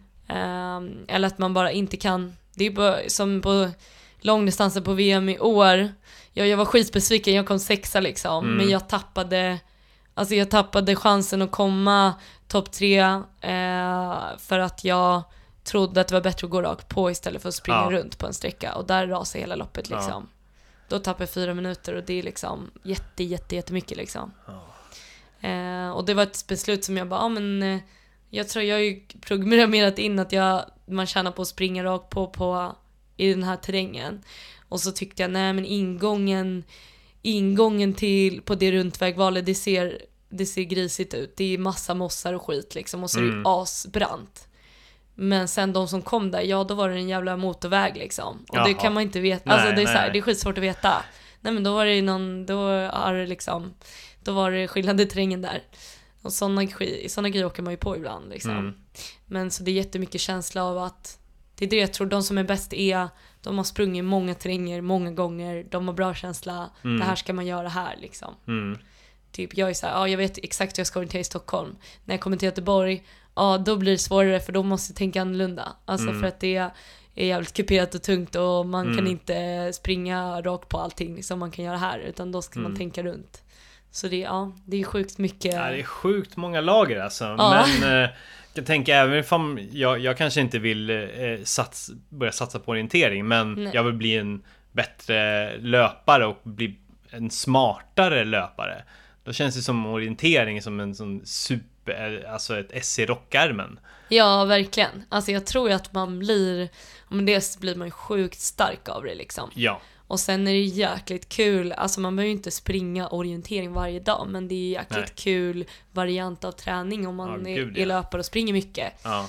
Och bara springa lite orienteringsträningar liksom istället. Och just springa i terrängen tycker jag är skitkul. För Mm. att det är så varierande liksom. Mm. Så. Mm. Eh, men träningar, är det oftast liksom på helger eller för typ nybörjare eller på kvällar Mm. också nu liksom? Eller Ja. börjar dra igång vid vår eller vad? Nej, det är hela tiden, men det är mycket på kvällar. Mm. Alltså typ tisdagskvällar har vi alltid intervallträning och eh, sen har ju kidsen teknik och så finns det nybörjarkurser och så är det på torsdagar också på kvällarna. Eh, och sen har ju vi, vi eliten har ju nästan träningar liksom, inte riktigt varje dag men nästan. Mm. Och lördagar och söndagar har vi alltid träning också. Mm. Så det är ju typ hela tiden. Mm. Man, man liksom, om man vill vara med så ger alltså alla klubbar har typ hemsidor där hel, det träningsschemat står typ. Mm. Så då är det bara att hänga på liksom. Ja, alltså jag, jag har gått och funderat på det här ett tag så det, det kan bli så att det blir en nybörjarkurs i, Ja, det tycker jag. andra sidan året. För att bli en bättre löpare och få vara ute i skogen mer. För nu, ja, det blir lätt att man stannar här. Man tar, jag tar min runda runt Årstaviken och liknande. Ja, men Ja. då kan, behövs det något sånt här, ett litet äventyr för att eh, få komma ut ordentligt igen. Exakt. Mm. Ja men det är, ett, eh, det är en jävligt bra grej. Jag älskar att springa i skogen, men trippar än så länge fram i snåriga partier och är rädd för att slå mig fördärvad. I uppförsbackar sprutar mjölksyran och jag vet än idag inte vad den bästa tekniken är för att ta mig an det. Nu vill jag att du, mästaren, ska lära mig och lyssnarna om hur du blir snabbast i skogen. Ja, gud. det är ju väldigt så här individuellt. Ja. Men Alltså som vi pratade lite om innan så är det sjukt viktigt och träna specifikt så vill du bli bra på att springa uppför, spring mycket uppför. Mm. vill du bli bra, stark liksom på att springa i snår och skit, spring i snår och skit, spring mm. i mosse. Eh, och liksom variera dig. Jag tror så här, ja men kroppen är smart liksom, den lär sig, den lär sig mönstret. Så liksom nöter man det som man kanske är dålig på då liksom, då höjer man sig ganska fort ändå. Mm. Um, men mycket så här, jag tror skitmycket på varierad träning. Uh, alltså, bla, inte liksom springa samma intervallpass hela tiden utan Nej. verkligen mixa, springa långa intervaller, springa korta intervaller, mm. få upp Alltså, även fast jag vet att jag är svinexplosiv och det är min starka sida, så slutar jag inte träna det, för det är också mitt starka kort. Ja, precis. Men jag försöker utveckla, mm. alltså, jag kanske behöver träna mer tröskelpass än jag behöver träna intervaller egentligen. Mm. Men jag försöker ändå baka in båda två liksom. Precis, du måste ju ha ditt S, alltså du måste hålla ditt S i rockärmen i trim hela exakt, tiden. Exakt, Ja, för det kommer ju vara andra som jagar där också. Som ja. liksom kanske liksom, alltså, liksom är skitbra på allt annat men de så där har jag enorm förbättringspotential. Ifall du chillar med det så... Ja, då kanske man blir sämre på det istället då ja, liksom. Ja. Så nej men jag tror att det är asviktigt att, att träna varierat och sen alltså våga typ Alltså jag blir jättemycket bättre av att springa med folk som är lite bättre än mig själv. Och bara försöker grisa mig med liksom. Mm. Eh, och sen får man ju vara, alltså man lär sig också Ofta när man, jag var junior så jag gick alltid ut stenhårt och totaldog och mådde piss. Mm. liksom. Och ja, jag mår ofta piss på intervallpassen men ja, ja, man lär sig ju liksom så här, ja ah, men fan det är bättre, jag vill alltid avsluta snabbt liksom. Ja. Eh, så man har ju blivit bättre på att hitta sin fart och lära sig sin kropp så här. Mm. Och det här kommer jag klara av att springa åtta intervaller i det här liksom. Mm. Eller så här. Eh, I mean, för det, det, jag har aldrig varit med om ett intervallpass när jag inte har total, alltså blivit trött. Alltså, mm. du kan bli hur jävla trött som helst, det är väl bara döda i sista intervallen då. då. Alltså. Men eh, sen så, alltså ska man bli snabb då kan man inte liksom gå och Alltså man får inte vara rädd för att vara trött. Man Nej. får inte rädd för att det ska göra ont, för det gör ont. Det är mm. skitjobbigt. Mm. Men det är också jävligt kul och alltså man, det är kul också när man börjar få lite medvind och känna att man, kroppen är med liksom. Mm. Om man har det där. Mm.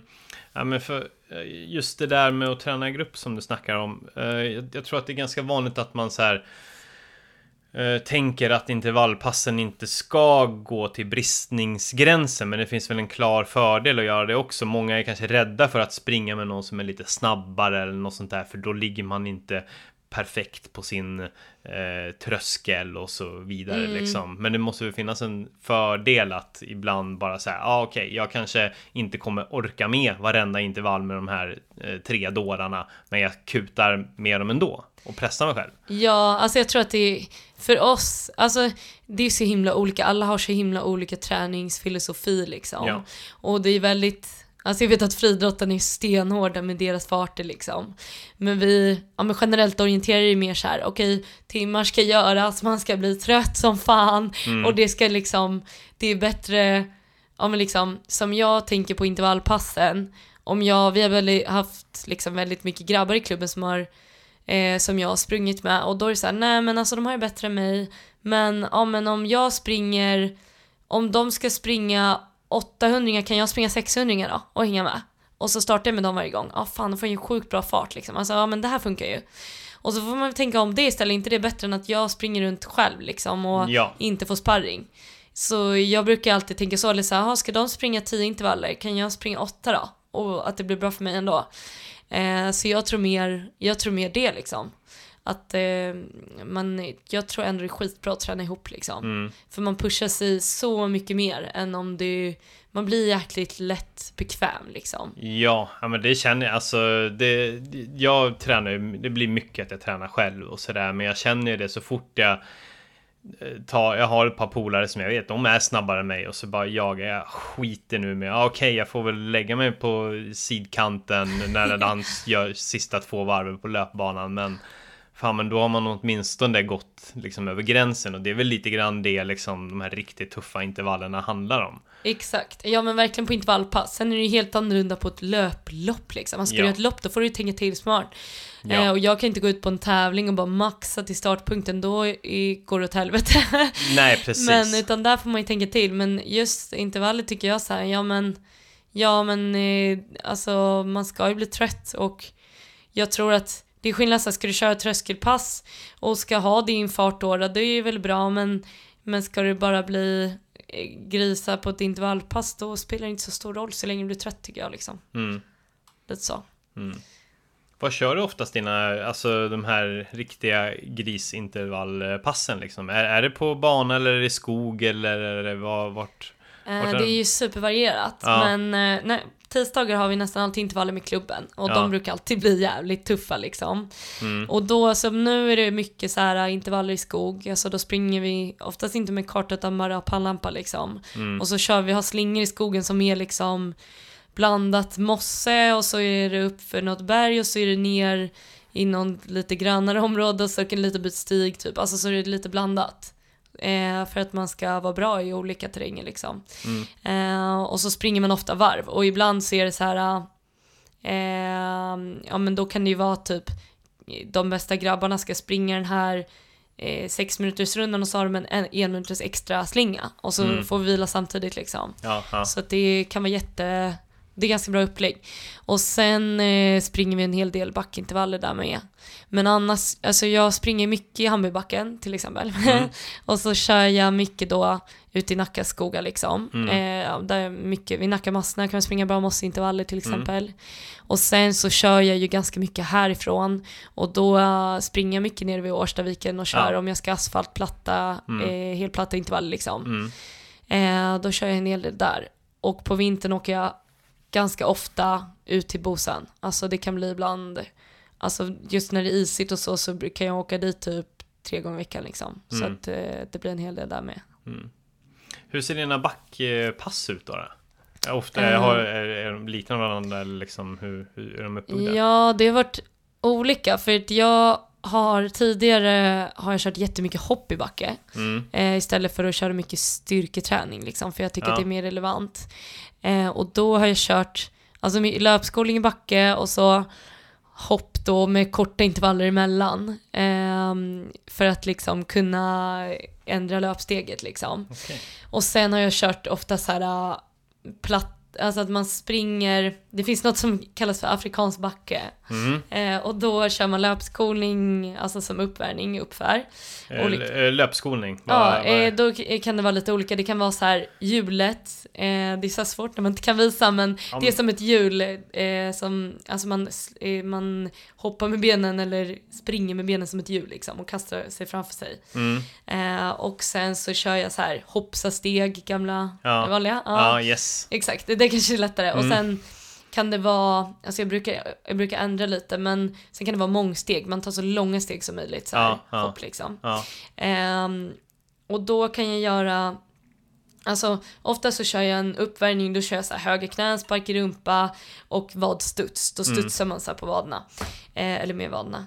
Och sen kör jag själva intervallerna, då kör jag så här en, ja men 40 meter av den här stora hjulet och direkt springer jag 40 meter max. Och sen direkt kör jag 40 meter av eh, den här hoppsasteget och så direkt 40 meter intervall och sen direkt 40 meter av mångsteg som det heter och sen 40 meter max och så är jag uppe i toppen. Och då joggar jag ner för backen till platten, kör en 100 meters intervall och sen börjar jag om liksom. För att få springa ur benen på 100 meter liksom. Så det, det var ett pass som jag körde skitmycket förut. Ja. Eh, som en blandning av styrkepass och liksom li- kort explosivitet liksom. Men eh, annars så kör jag lite längre intervaller. Eh, då kan det vara, nu är det, det är så svårt att hitta långa backar i Stockholm. Mm. Eh, så det blir ofta typ så här eh, två minuters intervaller uppför liksom. Eh, och så jogg ner. Men jag försöker köra mer terrängbackar nu liksom. Så jag har försökt köra typ på sidan där det inte är eh, inte är pist liksom. Precis, ja men Hammarbybacken så det finns ju någonting som heter Trysilbacken och det är den mest klassiska uppför. Det är Precis. grusväg i princip. Kanske Exakt. bred grusväg liksom. Men då kör du... Alltså, På sidan typ, alltså Ja. för att jag vill ha mer terränglik liksom. Eh, och, men jag kan variera så ibland kör jag asfaltsbackar liksom. Bara för att jag vill ha hårt underlag. ja, Men eh, då blir det ju oftast, alltså det jag gjorde jättemycket förut det att körde de här två timmar och då kör jag eh, då tar jag varannan backe liksom. Jag tar så jag får alla backar som Mm. jag kan. Jag kör en helt, helt eh, terrängbacke och sen kör Mm. jag alla pister liksom, Mm. upp och ner. Eh, också för att vänja benen vid att springa utför. mm, Eh, men nu har jag kört mer typ upp och ner backe, att jag springer fort utför. ja okej. För jag vill lära mig springa fort utför. Då kan jag göra det när det är eh, i en asfaltsbacke. ja, Eh, och då springer jag max kanske liksom en eller två minuter upp för och så maxar jag ner hela vägen och så vilar jag på botten istället. ja, Eh, typ bara för att få med mig farten också. För i orientering så springer vi så mycket så här upp och ner hela tiden. ja, det klassiska är ju att när man ja, jag kör backintervaller, man kör en rush uppåt, sen så typ stapplar man ner. Ja, och precis. Så kör man igen, men det är Exakt. för att bli, ja precis som du säger. Det gäller ju att kunna maxa ner för också. Ja, precis. Och där kan man tjäna ganska mycket tid liksom. För eh, om man eh, kan springa och läsa kartan samtidigt fort utför är det bra liksom. Läsa karta fort utför. Ja, det är, Det är ja, det är jävlar. Ja, det är ju ja, tufft. Ja, men det är ofta när man är typ i Alperna och så springer man, alltså då kan man liksom inte springa med kartan i näven och kubba ner för, missar du att du liksom springer för långt då blir det helvete att ta sig Mm. upp igen. Ja, Så därför vill man vara jävligt noga med att man har koll på var man är liksom. precis. Inte kolla på toppen, ta en riktning, kuta ner och sen så bara... Exakt. just det. Det var Fan, fel. Ja, Ja, precis. ja. Nej, så det, ja, nej men det är väldigt varierat liksom Mm. med eh, underlag och så här. Mm, vad det blir för intervaller. Men Mm. just nu blir, kommer det, alltså nu är det mycket långa liksom, Mm. bygga upp mer. Mm. Ehm, och då också blandat underlag. mm. Ja, precis. Det, det var en av mina frågor. Liksom. Kör, kör du någon vä- väldigt så här... Kör, du kör också liksom väldigt grenspecifik träning. Jag tänker typ som du sa, eh, Nacka mosse där. Liksom, Mm. Du kör du liksom eh, träsklöpsträning och bergsbestigarlöpning och liksom ravinintervaller. Du, du kör du lite olika. Du, du är också liksom kör specifikt på det sättet också. Ja, precis.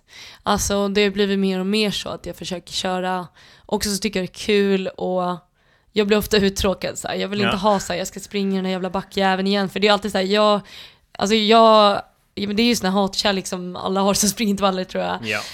när man bara, fan, bara jag gör en, bara jag, eller bara jag klarar de här två, två till så kommer jag få uh, njuta sen liksom. Mm. Och så bara, snart är det över, snart är det över. Och jag vet så här, jag lurar mig själv det här varenda jävla dag. Och att det kommer att vara över och det tar aldrig slut. Nej. Så det är så här, då kan man inte göra, som nu när jag har skadad, ja jag vet ju så här, jag kommer gå på den här jävla cykeln imorgon och så gör de här intervallerna imorgon, fan Mm. eller något annat. Mm. Därför så, tycker jag att det är så mycket roligare att få göra, ja, men jag, jag drar till en ny backe, jag får springa, ja men jag får springa i en annan terräng typ, Ja. jag får göra ett annat moment så att jag inte känner så här, fan i den här helvetet igen, vet hur jävligt det var. Hur ska jag orka pressa mig sådär igen? Mm. Så att jag tycker om att, att prova nya saker liksom. Mm. Jag måste typ utmana mig själv. Mm. Ehm, sen ibland vill man ju jämföra tider och sånt. Mm. Men jag tror att det är mycket mer så med tider. Alltså visst på bana så har man ju det klart för sig men i orienteringen är, du kan ju liksom inte, men vi kan inte sätta liksom världsrekord och sånt för att vi, det går inte att jämföra. Nej. Det är så mycket olika och därför är träningen också, då kan jag lika gärna springa en ny backe och så Mm. får jag istället gå på att jag sprang skiten ur mig liksom Ja. än att jag bara fan jag sprang inte på den farten. Nej, precis. För det är också lite dagsformen, det får ju, det är som det är så länge jag haft en, gjort bra pass liksom.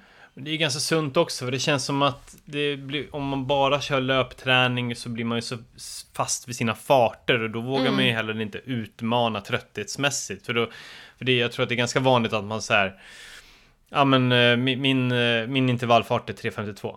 Ja, och då ligger man där och tuggar och tuggar och tuggar. Och du blir ju Ja. skittrött varje gång kanske, men eh, du kanske du fortsätter bara ligga i 3.52 hela tiden bara för att du tänker att det är din fart liksom. Ja, Då är det bättre, Exakt. då är det bättre att alltså, tänka lite så för att få den riktiga krämet liksom och bara jag ska bli skittrött. Det är det det handlar om. Ja, jag tror det. Alltså speciellt i vår sport är det skitbra. Ja, Eh, sen kan man ju fatta att det inte är det bästa kanske för någon som håller på och tävlar i friidrott liksom för att de måste hålla sina farter och så. mm, Men ju, för alltså orientering är det så, det blir ju som intervaller och spring hela tiden för det är så mycket olika delar på en bana så Ja. här. Ja, här går det inte att springa fort, här kommer jag springa skitfort och sen kommer det in ett lugnare parti. Alltså det är så här, mm, du måste, du måste, det måste, kropp måste klara av det liksom ja, och bara mala Mm. och fortsätta Alltså spring, du våga typ springa sig helt slut och sen bara veta så här, men jag har gjort det här en miljon gånger, jag kommer orka och fortsätta efter den här jävla backen ändå liksom. mm, Någonstans. mm. Men ja. Har du någon favoritterräng? Eller någon Ehm. favorit, eh, favoritterräng och kanske favoritplats att springa på? Mm, Ja, det är så olika. Jag är ju också så här, alltså de flesta tycker, men Stockholmsregn det är skit liksom som kommer, kommer man från Dalarna älskar man Dalarna, kommer från Mm. Göteborg älskar man Göteborg. Mm. Jag älskar Stockholm. Ja, Men eh, det är jätte, alltså inom sprint så tycker jag ju att det, då tycker jag om eh, Schweiz, Italien, Frankrike, alltså små byarna liksom. ja, Svinkul, alltså det är, då är ju sprintorientering så mycket roligare Ja. än i Sverige liksom. mm, Eh, så det är väl lite så här favorit. Ehm, men sen i skogen, då, eh, jag tyckte ju att eh, när vi var, till exempel, nu, nu kanske jag säger det bara för att jag vann typ världscupen i mm, Tjeckien. Ja. Men det är kul också för att där går VM om två år så att det, det ser jag ändå väldigt mycket fram emot. ja, För att den terrängen var så jävla cool liksom. Alltså Ja. springa med massa stenformationer. I så här, det var som en egen värld typ. ja, Det tyckte jag var ballt. Så jag tycker om när det är väldigt, eh, om jag gillar så här speciella terränger som man inte kan hitta överallt liksom. mm, Eh, och sen Alperna är ju lite så speciellt för att det är otroligt jävla tufft liksom. Så man är oftast vintrött men det är också coolt. Mm. Jag tycker att det är kul mm, också. mm, Ja, så nej men det finns så mycket olika. mm. Ja, eh, jag tänkte att du ska få chansen att testa och se ifall du kan kora dina fem absoluta favoritpass. Oj. Mm. Shit vad svårt. Mm. Fem stycken ska det vara. Ja, det, du, det kan få vara tre också. Oj. Ja, Eh, det är så svårt med så här favoritpass för att eh, eh, man har ju som sagt lite hatkärlek. Alltså, Ja. Jag säger så här, åh intervall är fantastiskt men jag hatar det också. Fast jag, Mm. gör, jag gör ju det hela tiden för att jag, jag gillar det på ett sätt. mm, Eh, men jag tycker ju att det är skitkul med sprintintervaller. Alltså Mm. sprintorienteringsintervaller, så korta, korta sprinter liksom. mm. De Eh, snabba puckarna. ja, dra, och sen skitsnabbt. bara dra en kontroll och sen bara pang, Ja. flyga iväg igen. Exakt, så då har man oftast typ så här tre kontroller kanske. Eh, och det roligaste är, tycker jag, när man eh, startar många tillsammans och sen så har man olika banor och så är det liksom, är de ungefär samma längd på. Så, ska, så möts man liksom, har samma mål som de andra och så tar man en slinga. För då blir det också sån jäkla fight typ. Mm, Eh, så det tycker jag är svinkul.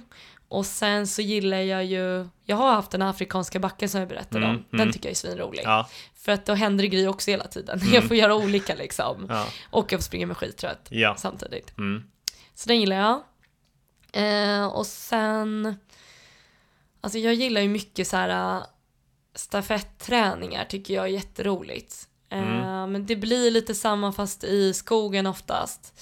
Alltså när man, det blir lite samma sådana här sprintintervallerna. Men Mm. man kan köra mycket stafetträningar där man, eh, ja men då, det blir väl kanske mer lite mer orienteringsintervaller. Man är många personer liksom och så har man eh, samma bana som vissa liksom. Eh, och så kör man korta slingor och kommer tillbaka till samma ställe. mm, Det tycker jag är skitkul. mm, Eh, och plus att det är roligt att springa i terrängen liksom. mm. Eh, så det gillar jag. Eh, nu ska ja, alltså jag är ju, jag älskar korta intervaller. Mm. Kanske för att jag är bra på det. Men eh, alltså jag tycker så här. Eh, 200 är skitroligt liksom. Ja. Gärna så här jävla lång vila så att man bara kan brassa allt man har typ. Hur, hur, är lång, hur lång är lång vila då? Men alltså det, nu kör jag inte det så himla ofta men ibland så här, man kan ju köra så här formtoppa pass när man liksom eh, bara ska brassa typ så här, jag kanske bara ska köra typ så här 6 200 men Mm. maxa dem liksom. Mm. Eh, och då kan man ju, alltså, då ska man, då kan man ha liksom, du kan ha typ två minuters vila, tre Ja. minuters vila liksom. Mm. Men det är ju inte så ofta jag kör sådana pass. Nej, men nej, de nej. tycker jag är svinkul. Men ofta så kör jag mer så här. äh, Alltså när vi springer bana springer jag sjukt mycket tusingar och så här. Ja, ja, Eh, eller som de här 200-200 och vi springer mycket längre liksom. ja, precis. Växla farten. Mm. Eh, så Vad tycker du om de klassiska tusingarna? Det... Alltså jag gillar ju inte dem riktigt. Nej, nej. Det är lite lång, alltså så här, jag tycker de är långa och dryga för att man mår dåligt hela tiden. Ja, ja, Men eh, de behöver göras bara. ja. Så de bara diskar jag av typ. Mm. Eh, och sen körde vi typ två tusingar en del och det var ännu värre. För då mådde man, ännu, då mådde man lika dåligt men man måste bara hålla på dubbelt så länge. Ja, fan. Nej, de ja. gillade inte jag heller. Nej, nej, nej. Men så jag är lite mer, jag tycker om 300 400 alltså lite så här. Upp till typ 800 tycker jag är nice liksom. Mm. och kul. Men jag kör väldigt gärna stege, det kan man säga som ett pass. Alltså när jag går från liksom, då kan det vara okej att börja på 2000 liksom. Mm. Och få gå neråt, jag måste börja på högt och gå neråt. Mm. Då är det så jävla roligt att springa korta. Ja. Sen kan man gå ner och vända liksom. Att man, ja du kan ju köra, du kan ju köra typ 1000, 800, 600, 400, 200 och sen 200, 400, 600, 800, 1000. Alltså, Mm. ja du kan mixa det hur du vill. Mm. Men jag tycker det är en bra grej för att då, då händer det något och du får liksom växla farter lite. Det blir Mm. inte samma, samma, samma liksom. Nej, precis. Så det tycker jag är kul. Mm. Ehm, ja, det är väl mitt, jag vet inte hur många jag har sagt, men det är väl kanske mina, de jag gillar bäst liksom. Jag springer gärna med orienteringsmomentet för att jag tycker att det är roligt liksom. Ja, ja. Eh, jag tänkte gå bara ytterligare lite så här löpteknikgrejer. Mm. Eh, och, och hur du tänker kring det. Eh, hur, hur ser din teknik ut uppför när du ska springa uppför? Mm. Vad är det liksom? Är det korta, korta snabba steg, liksom långa eller vad? Hur, hur och hur, hur ska man vara i kroppen? Liksom hur, hur tar man sig an en ganska brant backe på bästa sätt? Mm, jag tror att jag är bättre på, alltså nog har lite bättre teknik egentligen uppför än jag har på platt liksom. Ja, Men eh, jag försöker ha väldigt, för att jag generellt springer med ganska långa steg. Men Ja. jag försöker ha väldigt korta steg och trippa mer. mm, Ehm, och använda, alltså komma liksom vara rak i kroppen, var som att du har liksom en tråd som drar dig uppifrån liksom. Mm. Eh, och komma ner med axlarna och sen använda armarna skitmycket. Speciellt när du springer intervaller att få upp frekvensen genom. För om du rör, alltså om du hänger med med armarna då måste benen hänga med också. Då blir det Ja. lättare att det blir korta snabba steg Ja. liksom. Eh, så jag försöker använda dem jäkligt mycket ändå. Alltså Ja. på ett avslappnat sätt men ändå att det är bra frekvens liksom. ja, ja. Så sjukt mycket, ja. Korta Frekvens. snabba armar eller liksom? Ja, eller- korta snabba armar. Så att det Mm. hänger med liksom i löpsteget. Så Mm. mycket frekvens liksom. Mm. Ehm, så ja, det är väl typ mest det jag tänker på när jag springer uppför och korta ner steget liksom. Mm. Sträcka på sig. Mm. Om du ska upp för en backe riktigt jävla snabbt då liksom, den är, den är ganska kort, ser tekniken ut lite annorlunda ut då? Ja, då tror jag att det, alltså, för att när jag springer typ, ja men en lång backe så blir det mer så här, tänka på trippa, alltså Mm. när det är kort, vi säger att jag springer, för jag springer en del så här, äh, det är också ett pass jag tycker är nice när man springer 15 sekunders intervaller uppför, svinbrant. Mm. Och bara matar sönder typ, Mm. det är svinroligt. Men då tänker jag bara på att ta i så jävla mycket som möjligt med, alltså styrk, det ska vara bena så här, alltså Mm. styrka måste komma i bena. Så då är det bara power i varje steg liksom. Mm. Då skiter jag lite i längden liksom. Utan Ja. bara tryck, tryck, tryck, tryck, tryck, Mm. tryck, tryck hela tiden. Mm. Och så hjälper till med armarna. Mm. Men bara power liksom. Mm. Vilket jag gör, alltså så blir det när man spurtar i orientering också. Alltså när jag springer i slutet, det blir inget snyggt löpsteg, det ser ut som skit. Men det viktigaste är att man ska vara snabbast över mållinjen. Ja, Och ja visst, släng, försök att inte slänga iväg kraften åt alla håll. Utan ta i med dina ben liksom. Mm. Och försök att bara pressa ur allt som går liksom. Mm, mm. Med benen och inte med typ, ja men alla flaxar runt ja överallt precis. liksom. Ja. Men ja, det viktigaste är att det ska gå fort framåt. ja. Och eh, utför då? ja, Jag tränade mycket, alltså jag var, jag var skitbra på att springa ut för Mm. förut för jag tyckte det var asroligt att springa ut för jag hatar springa utför. Mm. Konstigt. Ja. Men eh, då, det var innan jag började skada mina jävla fötter såhär. Ja. Innan jag, för jag har dragit av ledbanden i båda fötterna. Och då har jag såhär nojig för förut såhär sprang jag skitmycket steniga sluttningar typ. Och bara maxa ut för. Tyckte det Ja. var askul. Jag bara, men vad kan hända liksom? Mm. Och sen när jag skadade mig, ja ah, just det, men det här kan hända. Ja. då är det så här mycket rehab. Och då bara ser jag det framför mig. I varje backe bara, fuck, helvete. Då vet jag Ja. att det blir så här, då blir det minst ett halvår med det här. Jag bara, det vill jag inte. Skärp dig, Mm. ta det lugnt. Mm. Ehm, men jag tror man inte ska springa, alltså det jag försöker göra, bromsa inte. Alltså, det må, ibland måste du bromsa men försök att inte bromsa. Alltså Mm. slappna av och utnyttja kraften utför. Alltså, för ofta så blir det så jävla stum av att springa och bromsa. Ja. Och då har du ju syra sen när du ska börja springa uppför. Mm. Så bara försöka slappna av och flyta nerför. Mm. Eh, och liksom f- få med dig all kraft utför. Mm. Det tror jag är skitviktigt. Om du ska, ja, eh, inte, om du ska palla fortsätta springa sen. ja, precis. Men hur håller man balansen då? Ja, det är ju lite så här, jag tror det är lite övningsgrej. Det är Ja. därför jag tycker det är bra att springa en hel del utför också. Ja.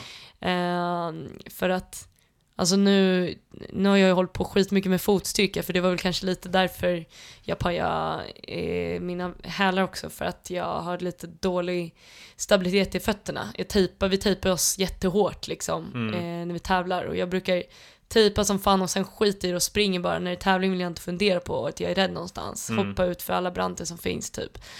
Eh, men det gör också att då när jag inte har är jag sjukt ostabil liksom. Mm. Så jag tror mycket, mycket jobb med fotstyrka och ha kontroll på sin kropp liksom. För har man bra, alltså har man bra kontroll på kroppen och är stark i alla delar liksom, då har du balansen. Så, och då kan du ofta ta dig ut för vad som helst liksom. Mm. Det är det man märker på de som är duktiga, de har jävla kroppskontroll liksom. Ja. Så det tror jag är bra. Mm. Och sen behöver man ju inte vara liksom värsta gymnasten liksom. Alltså, Nej. man är ju som löpare inte så jävla rörlig ändå. Men, Nej, men bara att liksom vara genom stark och veta hur man, alltså lita på att man har, jag tror som sagt mycket var en sak så här, lita på att jag har sprungit i tusen miljarder olika backar, jag kan göra det här, jag behöver inte oroa mig. Nej, För det är oftast när man springer och nojar som det skiter sig. det är ju det. För man När man nästan- tänk, tänker på sina Ja. steg, tänker ja, men det där är den stenen och så börjar man... Ja, Ja. så blir man, händer det något dumt liksom. Ja. Men när man, näst, jag har nästan aldrig skadat mig när jag tävlar för då är man så jävla, dels har du väl en adrenalin i kroppen men man är också så jäkla med om man litar på att det här kommer gå ändå. Alltså du funderar inte ens på det. Mm. Men när du tränar så bara, ah, tänk om jag skadar mig, tänk om jag skadar mig, Mm. tänk om jag skadar mig. Och så Ja. gör man det. Typ. Ja. Så. Hur ska man tänka med blicken? För i somras så kan jag berätta, då sprang jag rakt in i en gren så jag har. Eh, fan blev det? Åtta stygn här. Shit. Bara, jag brakade rakt in, vilket jag tror var en kombination av skittrötthet och att Ja. min blick var helt... Helt borta. helt väck. Ja. Eh, vad, vart ska egentligen blicken ligga för att man inte ska ja, springa rakt in i en gren eller snubbla på Ja. skit? Det är mycket så här, äh, det är därför det är så viktigt med fotstabilitet och fotkontrollen för att, speciellt när du springer i skogen, för att du inte ska behöva springa och titta ner på dina fötter vart du sätter dem, det ska bara gå automatiskt. Mm. Eh, och därför ska du titta, alltså i orienteringen så säger vi alltid så här, blicken upp, blicken upp för att vi vill se allt som är runt omkring dig för att du ska vara med på kartan liksom. Du ska se eh, att det kommer ett brandparti till höger eller typ mosse till vänster så. Eh, och man inte ska heller titta ner bara i kartan utan du måste titta upp så här ser det ut i verkligheten, så här Ja. ser det ut på kartan. Eh, men löpmässigt, bara löpning så tror jag också jättemycket dels för hållningen och titta uppåt, alltså titta långt fram. Mm. Eh, så att du sträcker på dig liksom och kommer ner med axlarna och blir eh, rak i kroppen så att du får ut din löpkapacitet. Liksom. Mm. Mm. Och också när du springer ut för inte heller springa och titta ner så här liksom. Det blir ju inte heller bra för löp, alltså löptekniken eh, överlag. Så bättre att kolla framåt liksom. Mm. Och jag tror att även fast man Jag har haft sån så här grej när jag springer löplopp och typ på banan då, då när jag springer bakom någon. Eller när, när jag ska typ när jag har hare på träningarna liksom, eller springer i rygg på någon. Ja. Att jag alltid kollar på dens tofs om det är en tjej till exempel. Eller kollar på nacken på eh, om det är någon grabb som springer framför och inte har så långt hår så får man liksom upp, då får du upp hakan lite och då andas du bättre, får ner luften. Ja. Eh, för om du springer och tittar, när du blir trött så vill du gärna börja hänga ihop liksom. Mm. Eh, men har du alltid huvudet på eh, skallen på den framför då, då springer du bättre liksom. Så det är bra tips. Bra tips. Eller? Eh, jag tänkte att vi ska börja avrunda det här faktiskt, hur trevligt det än är. Men nu har vi hållit på klockan är snart hur? på två timmar tror Det jag. går fort. Shit! ja, det är galet. Alltid mycket om. Eh, men jag hade tänkt att fråga, vad, vad, vad, dröm, vad ser du mest fram emot just nu? Jag vill bli hel, jag vill springa flera gånger om dagen och typ slippa springa vattenlöpning i bassäng eller sitta Mm. på en cykel. Eh, jag är sjukt taggad på att åka på träningsläger, vilket jag Yes. ska. Men eh, Men du Springa. sprang, du sprang ju idag. jag sprang idag, det Ja. var så jä- alltså nu var det dock på en fotbollsplan runt, runt, runt, Ja. men det var ändå så nice. Och få använda, det är en annan känsla, Mm. använda hela kroppen när man springer. Ja. För att när du sitter på en cykel, det blir inte alls samma, jag får inte alls den här äh, kicken jag får av löpning. Mm. Man mår så jävla bra liksom att använda hela kroppen. Ehm, så det ser jag så jävla mycket fram emot. Och sen ser jag fram emot att få ja, men börja känna mig stark liksom och äh, vältränad och sen ännu mer framåt när jag får börja tävla igen liksom Mm. och har den här tävlingsperioden bakom mig när jag vet såhär, fan jag har gjort det här jobbet liksom Mm. jag har det här i ryggen och nu får jag, får jag liksom utlopp för det liksom. Mm. Mm. Ja, det ska bli kul. Och vilk, vad, vad är nästa utmaning som du ser mest fram emot just nu? Förutom att börja springa igen och komma i superform. Ja, eh, alltså först nu är det ju en hel del läger, så Mm. det, ser, det är liksom nästa stora grej. Nu tar jag lite så här. jag tar eh, en månad i taget typ. Mm. Eh, och för, hoppas att den, för hela förra året har jag inte kunnat följa en plan, så nu ska jag försöka att liksom kunna få följa min löpplan liksom och eh, bygga upp till så jag blir maskin till VM. det ser jag fram emot. Så nej, men jag är skitsugen på att åka iväg och bara träna jävligt hårt på läger. Yes. Leva lägerlivet. Ja, det är gött. Vilket, när var det du åkte iväg på läger? eh, första lägret åker jag iväg på nu, eh, sticker ut till Gran Canaria nu i, eh, över jul Ja. eh, och nyår. Och sen blir Spanien i januari och Mm. Frankrike i februari. Så att vi ska åka runt, det blir skitkul. Mm. Och förhoppningsvis springa satan. Ja, ja. fan vad jag hoppas på det. Ja, Det ska bli skitkul. ja. Och VM, vilket datum var det? Nu, alltså det här är pinsamt men jag kan fan inte i huvudet. Det är, det är, det är Eh, någon gång lite längre fram. juni, el- i slutet på juni om jag inte helt åt helvete eller i början på juli.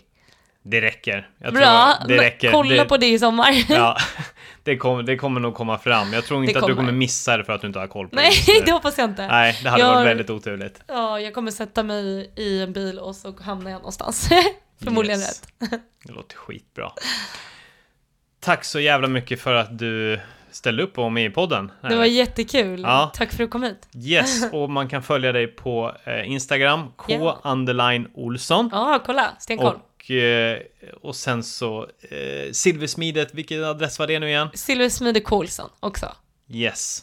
Så följ henne där så kommer ni få se sjukt grymma silver eh, smidesprylar eh, och eh, för, kunna följa träningen och målet mot att eh, komma i sitt livsform nästa år. Yes. Grymt. Ha det så bra där ute. Ja, tack. Hej! Hej.